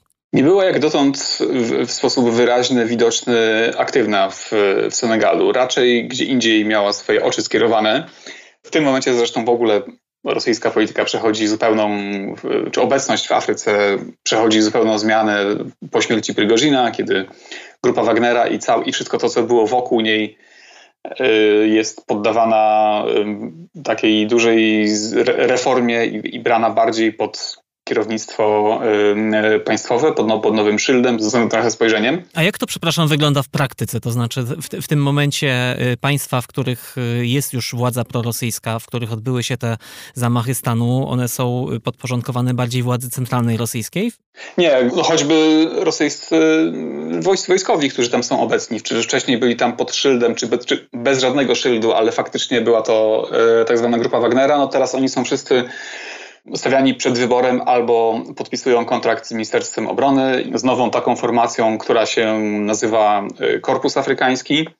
Tak jak grupa Wagnera wzięła swoją nazwę od ulubionego kompozytora Adolfa Hitlera, to był taki neonazistowski, mrugnięcie okiem do środowisk neonazistowskich, który reprezentował Dmitrij Utkin, założyciel grupy Wagnera, który miał właśnie ksywę Wagner, bo miał swastyki wytatuowane na, na, na ciele. Tak, nowa formacja nazywa się Korpus Afrykański, Afrika Korps, tak jak ta niemiecka formacja z czasów II wojny światowej. Więc wydawałoby się, że mając taką y, brzydką łatkę przypiętą w odświeżonej wersji, warto by było ją jednak od niej się odciąć. A tutaj y, po raz drugi wykonano takie mrugnięcie okiem do, do tych środowisk, no bo w gruncie rzeczy najemnicy rosyjscy to jest to samo środowisko, które nie jest znowu aż takie duże. A czy Senegal ma w tym momencie w regionie, czy on pełni taką rolę stabilizatora bezpieczeństwa? Senegal jest krajem, który jest przede wszystkim sam najbezpieczniejszy w, w otoczeniu, którym na przykład nie byli nigdy aktywni dżihadyści. Te państwa, które padły w ostatnich latach i miesiącach na rzecz hunt wojskowych, Mali, Burkina Faso, Niger, to są kraje, które, są, które przegrywają wojnę z dżihadystami, który, których aktywność tam jest bardzo duża i do ataków dochodzi, dochodzi, e, dochodzi cały czas, których w Mali i w Burkina Faso część terytorium państwa jest, jest poza zupełnie kontrolą władzy, jest w rękach, w rękach dżihadystów. W Senegalu nigdy tego nie było. Z tamtych państw wyproszono wojska francuskie. W Senegalu ta współpraca z Francją nadal jest bardzo, yy, przebiega normalnie. Więc nie ma aż tak dużo tego samego podłoża, które, które tam yy, no, sprzyjały temu zwrotowi prorosyjskiemu. Tam też no, Senegal jako taki jest, jest, jest państwem, które ma bardzo długą tradycję obywatelską. W tamtych państwach Sahelu najbiedniejszych, jak Mali czy Burkina Faso, państwo jest czymś zupełnie iluzorycznym, czego, co, nie dociera poza, poza stolicę czy poza stolicą jest odbierane jako jakaś agresywna siła, przed którą raczej należy uciekać niż, niż z nią współpracować. Więc nie, nie, widzę tych samych powodów, które by tam, które by miały, by, by, by, które zadziałały tam. Natomiast faktycznie zamachy wojskowe nie biorą się znikąd. One się biorą z tego, że państwa nie spełniają oczekiwań obywateli, działają, działają źle i w którymś momencie brakuje formalnych ścieżek do tego, żeby sytuację zmienić, czy z jakiegoś kryzysu wyjść. Tak było w Mali, tak było, tak było w Burkina Faso. Pytanie, czy w Senegalu te drzwi, te, te, te, te ścieżki możliwości pozostaną, czy też się wszystkie zamkną i w gruncie rzeczy interwencja wojskowa pozostanie, pozostanie dla, dla, dla obywateli jakąś jedyną szansą na, na, na, na odmianę. Mam nadzieję, że tak się nie stanie i, i na, razie, na razie nic na to nie wskazuje. No ale taka jest, taka trochę jest dynamika w tym, w tym, w tym regionie i nie można, nie, można tego, nie można tego wykluczyć. To jest, jak rozumiem, też pytanie o trwałość tych instytucji demokratycznych, które, tak jak pan mówi, w Senegalu mają długą tradycję. Wyczuwam y, w Pana dotychczasowych odpowiedziach, y, że tutaj jest nadzieja, której można się uczepić. Tak jest. Sięgnął do, do, do trochę głębszej historii XIX-wiecznej, moment czasu, kiedy pojawiła się tam władza kolonialna francuska. E, z drugiej strony, podobnie jak w Indiach pod wodzą Mahatmy Gandiego, w Senegalu pojawił się pojawił się charyzmatyczny przywódca, który, który był zarazem mistykiem e, sufickim, e, Sheikh Amadou Bamba, który no, przejął rząd dusz nad, nad, nad, nad milionami mieszkańców tego obecnie, obecnego Senegalu który stanowił taką przeciwwagę dla, dla władzy kolonialnej, który gdyby tylko pstryknął palcem, to jego miliony jego zwolenników mogłyby tą władzę kolonialną zdmuchnąć. Więc tradycja mobilizacji społecznej czy mobilizacji politycznej, ale opartej na zasadzie non-violence, y, bez przemocy, takiej konstruktywnej, która, która raczej no, coś, coś, coś buduje niż coś, niż coś niszczy, jest tam bardzo długa. Jeśli, jeśli gdzieś ona w Afryce jest, to w Senegalu, Senegal byłby takim miejscem na pewno. Więc to jest głęboko zakodowane w takim politycznym DNA y, senegalskim. Jest czego bronić i jest na czym budować.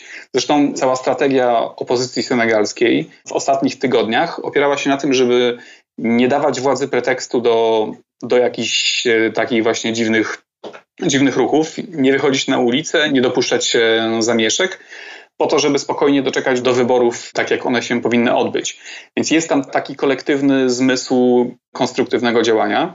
Zresztą już widać to w tym momencie, że w tych ostatnich dniach powstają takie nowe platformy społeczne, taki najnowszy ruch to się nazywa Ansun Election, czyli brońmy naszych wyborów E, który prawdopodobnie będzie taką, taką platformą koordynującą e, różne, różne działania e, opozycy, opozycyjne. Takim pierwszym jej, pierwszym jej działaniem jest wezwanie mieszkańców który, kraju, który jest tego, ten kraj jest w większości muzułmański, po to, żeby w piątek, dniu, w którym akurat nagrywamy tę rozmowę, w piątek do meczetów na, na tradycyjne piątkowe modły pójść w białych strojach z emblematami kolor, nawiązującymi do kolorów flagi senegalskiej czyli żółto-zielono-czerwonej, co ma taki w taki cichy sposób niekonfrontacyjny pokazać siłę czy pokazać spójność e, tego sprzeciwu wobec, e, wobec, wobec posunięcia władz. Zobaczymy, co z tego będzie dalej wynikało. O ostatnich wydarzeniach w Senegalu mówił Jędrzej Czerep z Polskiego Instytutu Spraw Międzynarodowych. Bardzo dziękuję. Dziękuję również.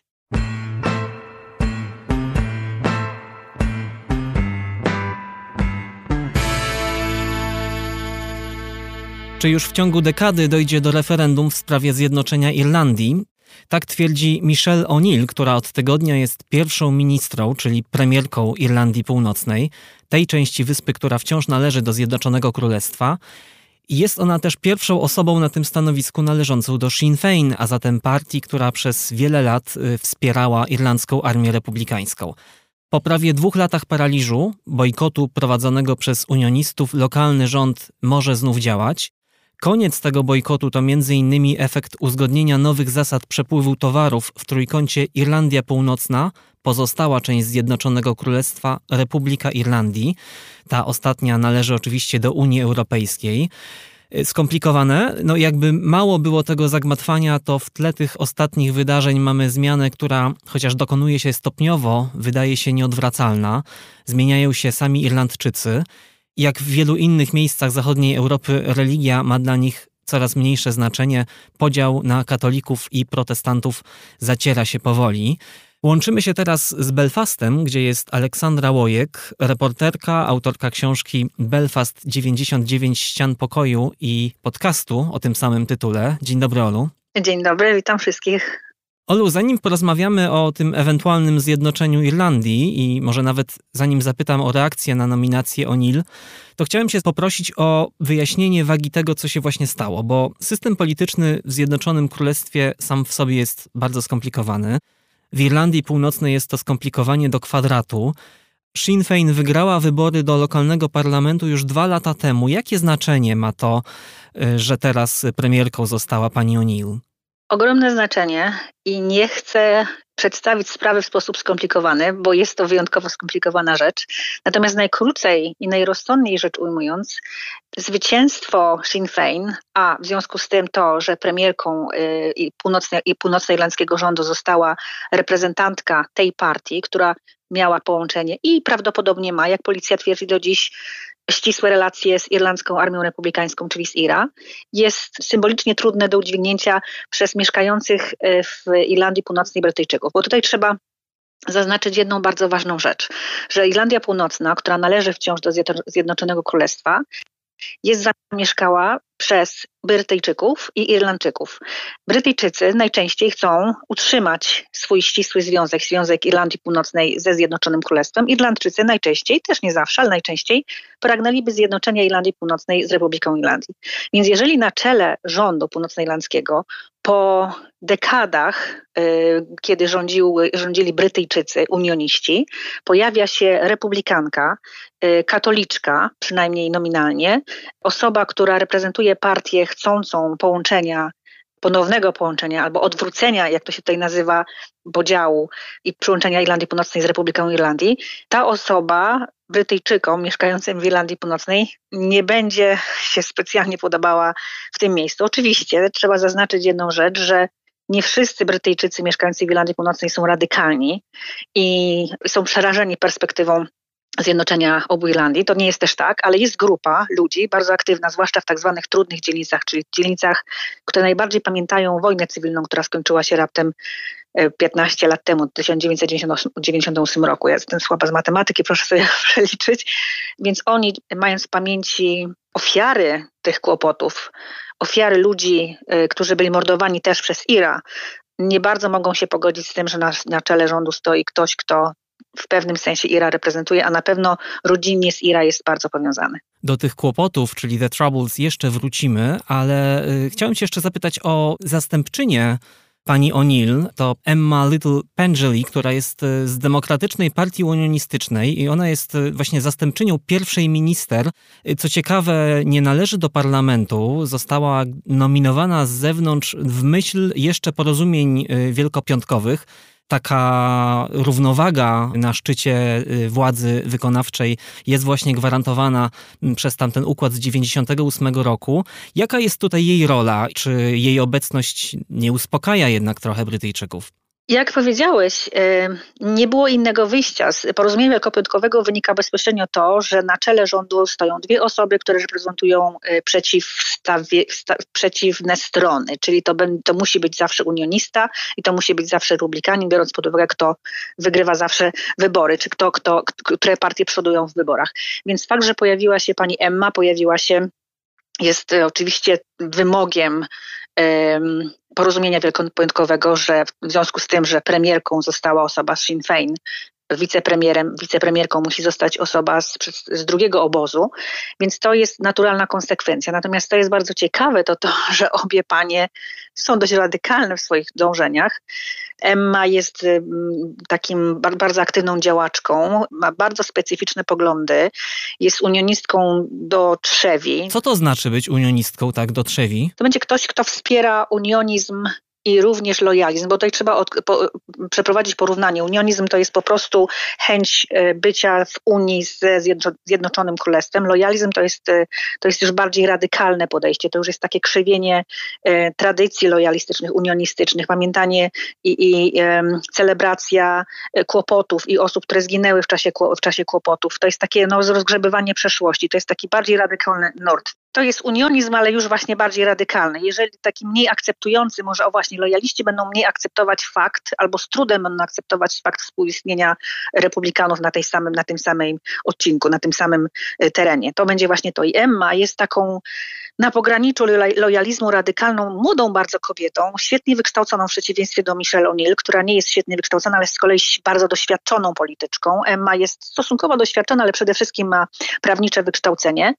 E, obie panie, to jest ciekawe, mają bardzo podobne poglądy, jeśli chodzi o, o życie społeczne, o poprawę o poprawę warunków socjalnych, o poprawę służby zdrowia i tak dalej. To je łączy. Natomiast wszystko je dzieli, co może je tylko dzielić, a jednocześnie, jeśli chodzi o politykę, jeśli chodzi o, o dążenia tożsamościowe właśnie, proszę pamiętać, że Michelle uważa się za Irlandkę. Dla, dla niej to jest bardzo ważna, ważna część jej tożsamości, a właściwie cała tożsamość. Emma uważa się za Brytyjkę, której nie ma, nie, nie ma, nie ma żadnego ustępstwa, y, a jednocześnie są zmuszone przez porozumienie piątkowe pracować razem. I teraz myślę, że w tej chwili jedyne wyjście, jakie mają, to pracować nad tym, żeby w Irlandii Północnej ludziom się trochę lepiej żyło, bo przez ostatnie dwa lata na początku nie było takich kłopotów, ale potem wszystko zaczęło padać i służba zdrowia i edukacja i tak dalej, więc teraz tym się muszą zajmować. Natomiast poza tym różni je naprawdę wszystko. Olu, to może wyjaśnij nam, y, co się działo przez te ostatnie dwa lata. Y, wspominałem tutaj o tym bojkocie prowadzonym przez unionistów.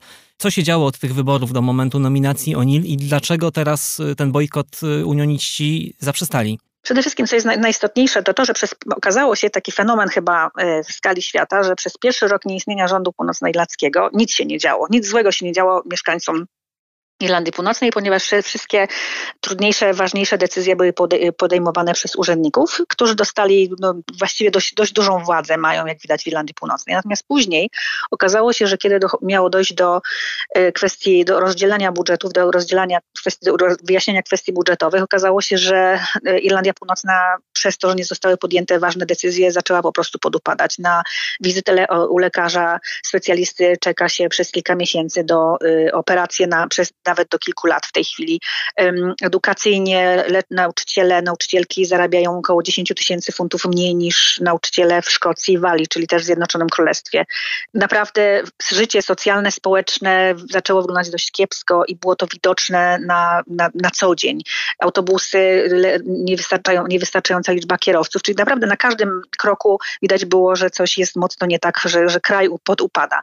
Więc naciski y, oddolne myślę, były na tyle mocne, że musiało dojść do y, tego, żeby nowy rząd powstał, oprócz oczywiście najważniejszej kwestii, czyli rozwiązań postbrexitowych. Otóż unioniści y, po powstaniu czegoś, czego się obawiali i myśleli, że nie będzie, czyli granicy na Morzu Irlandzkim, co oznaczało, że bardzo dużo towarów płynących y, z Wielkiej Brytanii do Irlandii Północnej musiało przejść kontrolę celną i to oznaczało to oczywiście i wzrost cen i biurokracji. Nie mogli się absolutnie z tym pogodzić, że to był skutek y, Brexitu. Podjęli decyzję, żeby nie przystępować do rządu, nie, nie, do, do rządu właśnie dlatego, żeby zbuntować się przeciwko temu, że powstała granica irlandzka na Morzu Irlandzkim, chociaż wynikało ona bezpośrednio z tego, że to oni właśnie pchali Irlandię Północną do Brexitu. To jest właśnie początek wszystkich komplikacji, które bardzo trudno jest wyjaśnić i do, co do których właściwie nad którymi można byłoby siedzieć latami. W każdym razie skutek był taki, że nie doszło, nie doszło do powstania rządu i przez dwa lata trwały mniej lub bardziej udane negocjacje, żeby znieść te granice. Przy jednoczesnym, czyli właściwie doprowadzić do tego, że nadal y, Irlandia, Irlandia Północna będzie traktowana na równi z Walią, Szkocją i Anglią, a jednocześnie zachować to, że Irlandia Północna nie będąc częścią Unii Europejskiej, jest częścią jej rynku. Więc właściwie sytuacja e, wydawała się być nie do pogodzenia. I co ciekawe, teraz, kiedy rząd e, północnoirlandzki powstał, nadal istnieją dość poważne wątpliwości co do pewnych towarów, które nadal prawdopodobnie będą ulegały bardzo szczegółowej kontroli celnej.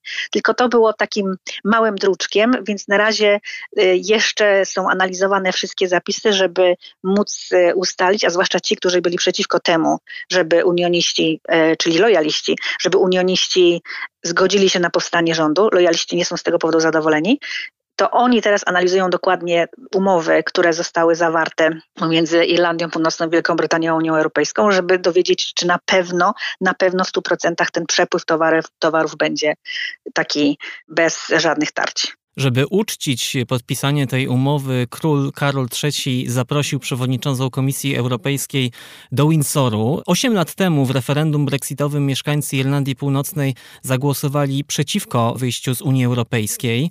Ta kwestia granicy, tego czy ona się pojawi po Brexicie, była chyba jedną z najtrudniejszych w negocjacjach, które nastąpiły potem.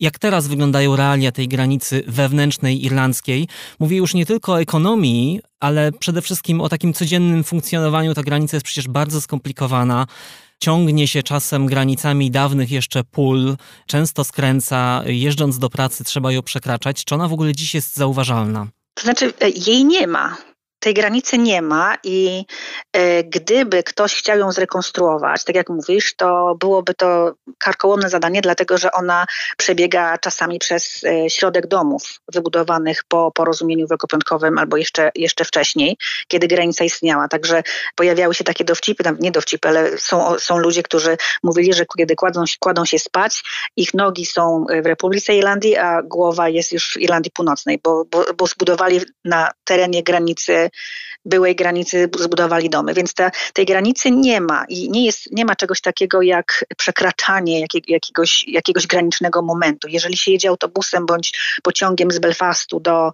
Dublina, a wszyscy ciągle jeżdżą, to nie ma żadnych e, kontroli, żadnych przychodzących e, podejrzliwie patrzących ludzi, aczkolwiek, aczkolwiek zaleca się, żeby podróżujący ze sobą mieli dokumenty, dlatego że zdarza się, mnie się jeszcze nie zdarzyło, a ciągle jeżdżę w obie strony, że można zostać zatrzymanym i przepytanym co do swojego pochodzenia, dlatego że jest kwestia jeszcze przemytu y, ludzi.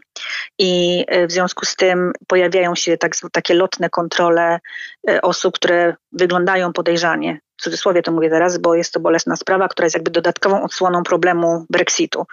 I natomiast, tak jak powiedziałam, sama granica jest absolutnie niewidoczna, nie przekracza się jej, po prostu w pewnym momencie y, pojawiają się znaki drogowe z informacją, że można jechać z ograniczeniem takiej, takim, takim ograniczeniem kilometrach na godzinę, a nie w milach. Także to jest tylko to, co można zauważyć. Temat był bardzo trudny, dlatego że gdyby ktokolwiek próbował y, tę granicę przeprowadzić z powrotem, już obojętne jak ona by biegła, niech, niech to będzie nawet równa kreska, to natychmiast uruchomiłoby to i zresztą takie były ostrzeżenia republikanów, czyli tych radykalnych katolików, a przede wszystkim Irlandczyków, tak ich określimy, bo niekoniecznie zawsze są katolikami, którzy dążą do zjednoczenia Irlandii, czyli postawienie granicy z powrotem, po, zwłaszcza po porozumieniu wielkopiątkowym, ni stąd, ni zowąd na środku wyspy, o, oznaczałoby nie tylko pogwałcenie tego porozumienia wielkopiątkowego, ale tak naprawdę stanowiłoby świetne miejsce do atakowania, ponieważ y, wszyscy dążymy, znaczy my dążymy nie, ale republikanie dążą do zjednoczenia Irlandii. Y, więc granica byłaby oczywiście absolutnie źle widziana. Więc to była pierwsza rzecz, której się tak naprawdę tutaj obawiano po Brexicie, że pojawi się granica. Więc negocjacje trwały, żeby tej granicy nie było, no i wylądowała ona, pojawiła się nagle na e, w środku Morza Irlandzkiego, a tak naprawdę na portach w Irlandii Północnej, gdzie zaczęto budować dodatkową infra infrastrukturę po to, żeby przeprowadzać kontrole celne towarów, które miały przedostawać się z Wielkiej Brytanii do Irlandii Północnej, przecież części Zjednoczonego Królestwa. Więc to z kolei nie podobało się zupełnie unionistom, bo to oznaczało, że Irlandia Północna jest wyrzucona poza nawias, nie jest częścią tego, czego oni chcą, żeby była częścią. Teraz już mogą powiedzieć, że odzyskali kontrolę. To było to jedno z haseł tak. brexitowych.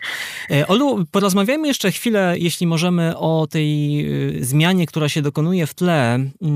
Pomyślałem, że gdybyśmy tak jeszcze 30 lat temu przeszli się na przykład Shankill Road e, w zachodnim Belfaście i powiedzieli przypadkowo spotkanemu tam człowiekowi, że za te 30 lat rządzić tu będzie Sinn Fein, no to pewnie w kolejnych sekundach bardzo by się liczyły nasze umiejętności biegowe.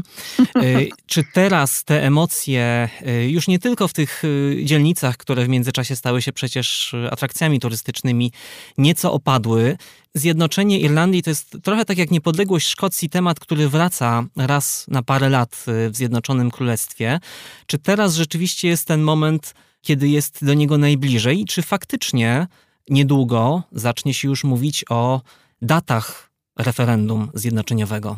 No, więc po kolei. E, Shankill Road, czyli ta bardzo brytyjska, probrytyjska ulica, jest nadal bardzo probrytyjska i e, tak się złożyło, że w zeszłym tygodniu, w zeszłym tygodniu tam byłam ze znajomymi, chodzę do takiego bardzo specyficznego pubu, porozmawiać właśnie z miejscowymi, z lokalnymi na temat ich odczuć.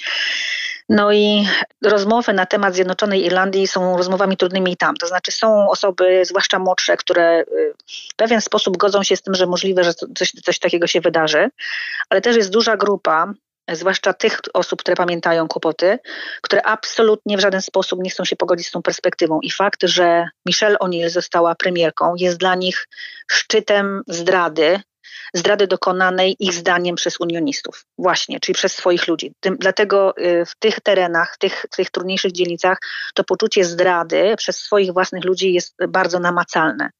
I to jest takie trochę poczucie, ja mam czasami, jakbyśmy tutaj mieszkali, a tak właściwie to jest zawsze, na beczce prochu, dlatego że to też zależy od tego, z kim się rozmawia. Y, jest bardzo dużo, rzadko się o tym mówi, takiej tak zwanej pracy organicznej u podstaw takiego uspokajania młodych ludzi i nie tylko, żeby y, rozumieli, że tak naprawdę w życiu warto martwić się o to, co zjeść i jak, y, jak wykształcić swoje dzieci, a nie kto jest u władzy. Ale też jest grupa ludzi, o tym trzeba pamiętać w tych trudniejszych dzielnicach, która jest zbuntowana, jest wściekła, jest rozgoryczona. I ty wspomniałeś o 30 latach. Dwa lata temu było to nie do pomyślenia, że tak naprawdę szefem rządu północnoirlandzkiego, będzie republikanka, będzie Irlandka. To było nie do pomyślenia i, i, i mimo, że wcześniej zastępcą szefa był już Martin McGuinness, jakby w to było chyba łatwiejsze do, do, zrozumie- do przyjęcia ze względu na to, że to był jednak ktoś, kto zastępował premiera. W tej chwili mamy szefa. Co do samego zjednoczenia, szefową, co do samego zjednoczenia Irlandii, Michelle O'Neill y, faktycznie wspominała, że to się wydarzy, y, jak powiedziałam, rozmowy na temat referendum, nawet referendum powinno wydarzyć się w ciągu najbliższej dekady, natomiast zjednoczenie za naszego życia. Tak mniej więcej, tak mniej więcej brzmiały jej słowa. I znowu Irlandia Północna jest bardzo podzielona, bo y, już teraz nie mówię o tych podziałach twardych typu e, Irlandczycy, Brytyjczycy, ale też jakby większość ludzi zaczyna rozumieć, że właściwie przez to, że jest coraz więcej Irlandczyków, i tutaj też jest argument demograficzny, że Irlandczycy mają więcej dzieci, bo mają więcej dzieci, jest ich więcej, to rzeczywiście ta perspektywa zjednoczenia Irlandii jest dużo bardziej namacalna. Natomiast jednak związane są z nią pewne problemy. To znaczy nie tylko to, że ktoś chce być w Irlandii Północnej, niekoniecznie to większość jest, na razie jeszcze to są wahające się y, liczby, ale istnieją pewne problemy z drugiej strony Republiki Irlandii, która wcale nie pali się do tego, żeby przyjąć biedniejszą siostrę y, z północy, która przeszła kłopoty i którą trzeba by było utrzymywać, bo są pewne różnice ekonomiczne, na przykład jest ogromne zasiłki, które są rozdawane, rozdawane osobom, które mogą udowodnić, że były poszkodowane w czasie kłopotów. Termowa służba zdrowia, jest dużo takich rzeczy, których tamta republika nie może zapewnić, więc tutaj jest no, dużo pracy do wykonania, żeby można było coś z tym zrobić. Aleksandra Łojek y, mówiła do nas z Belfastu, reporterka, autorka książki Belfast 99 Ścian Pokoju. Dziękuję bardzo. Dziękuję bardzo.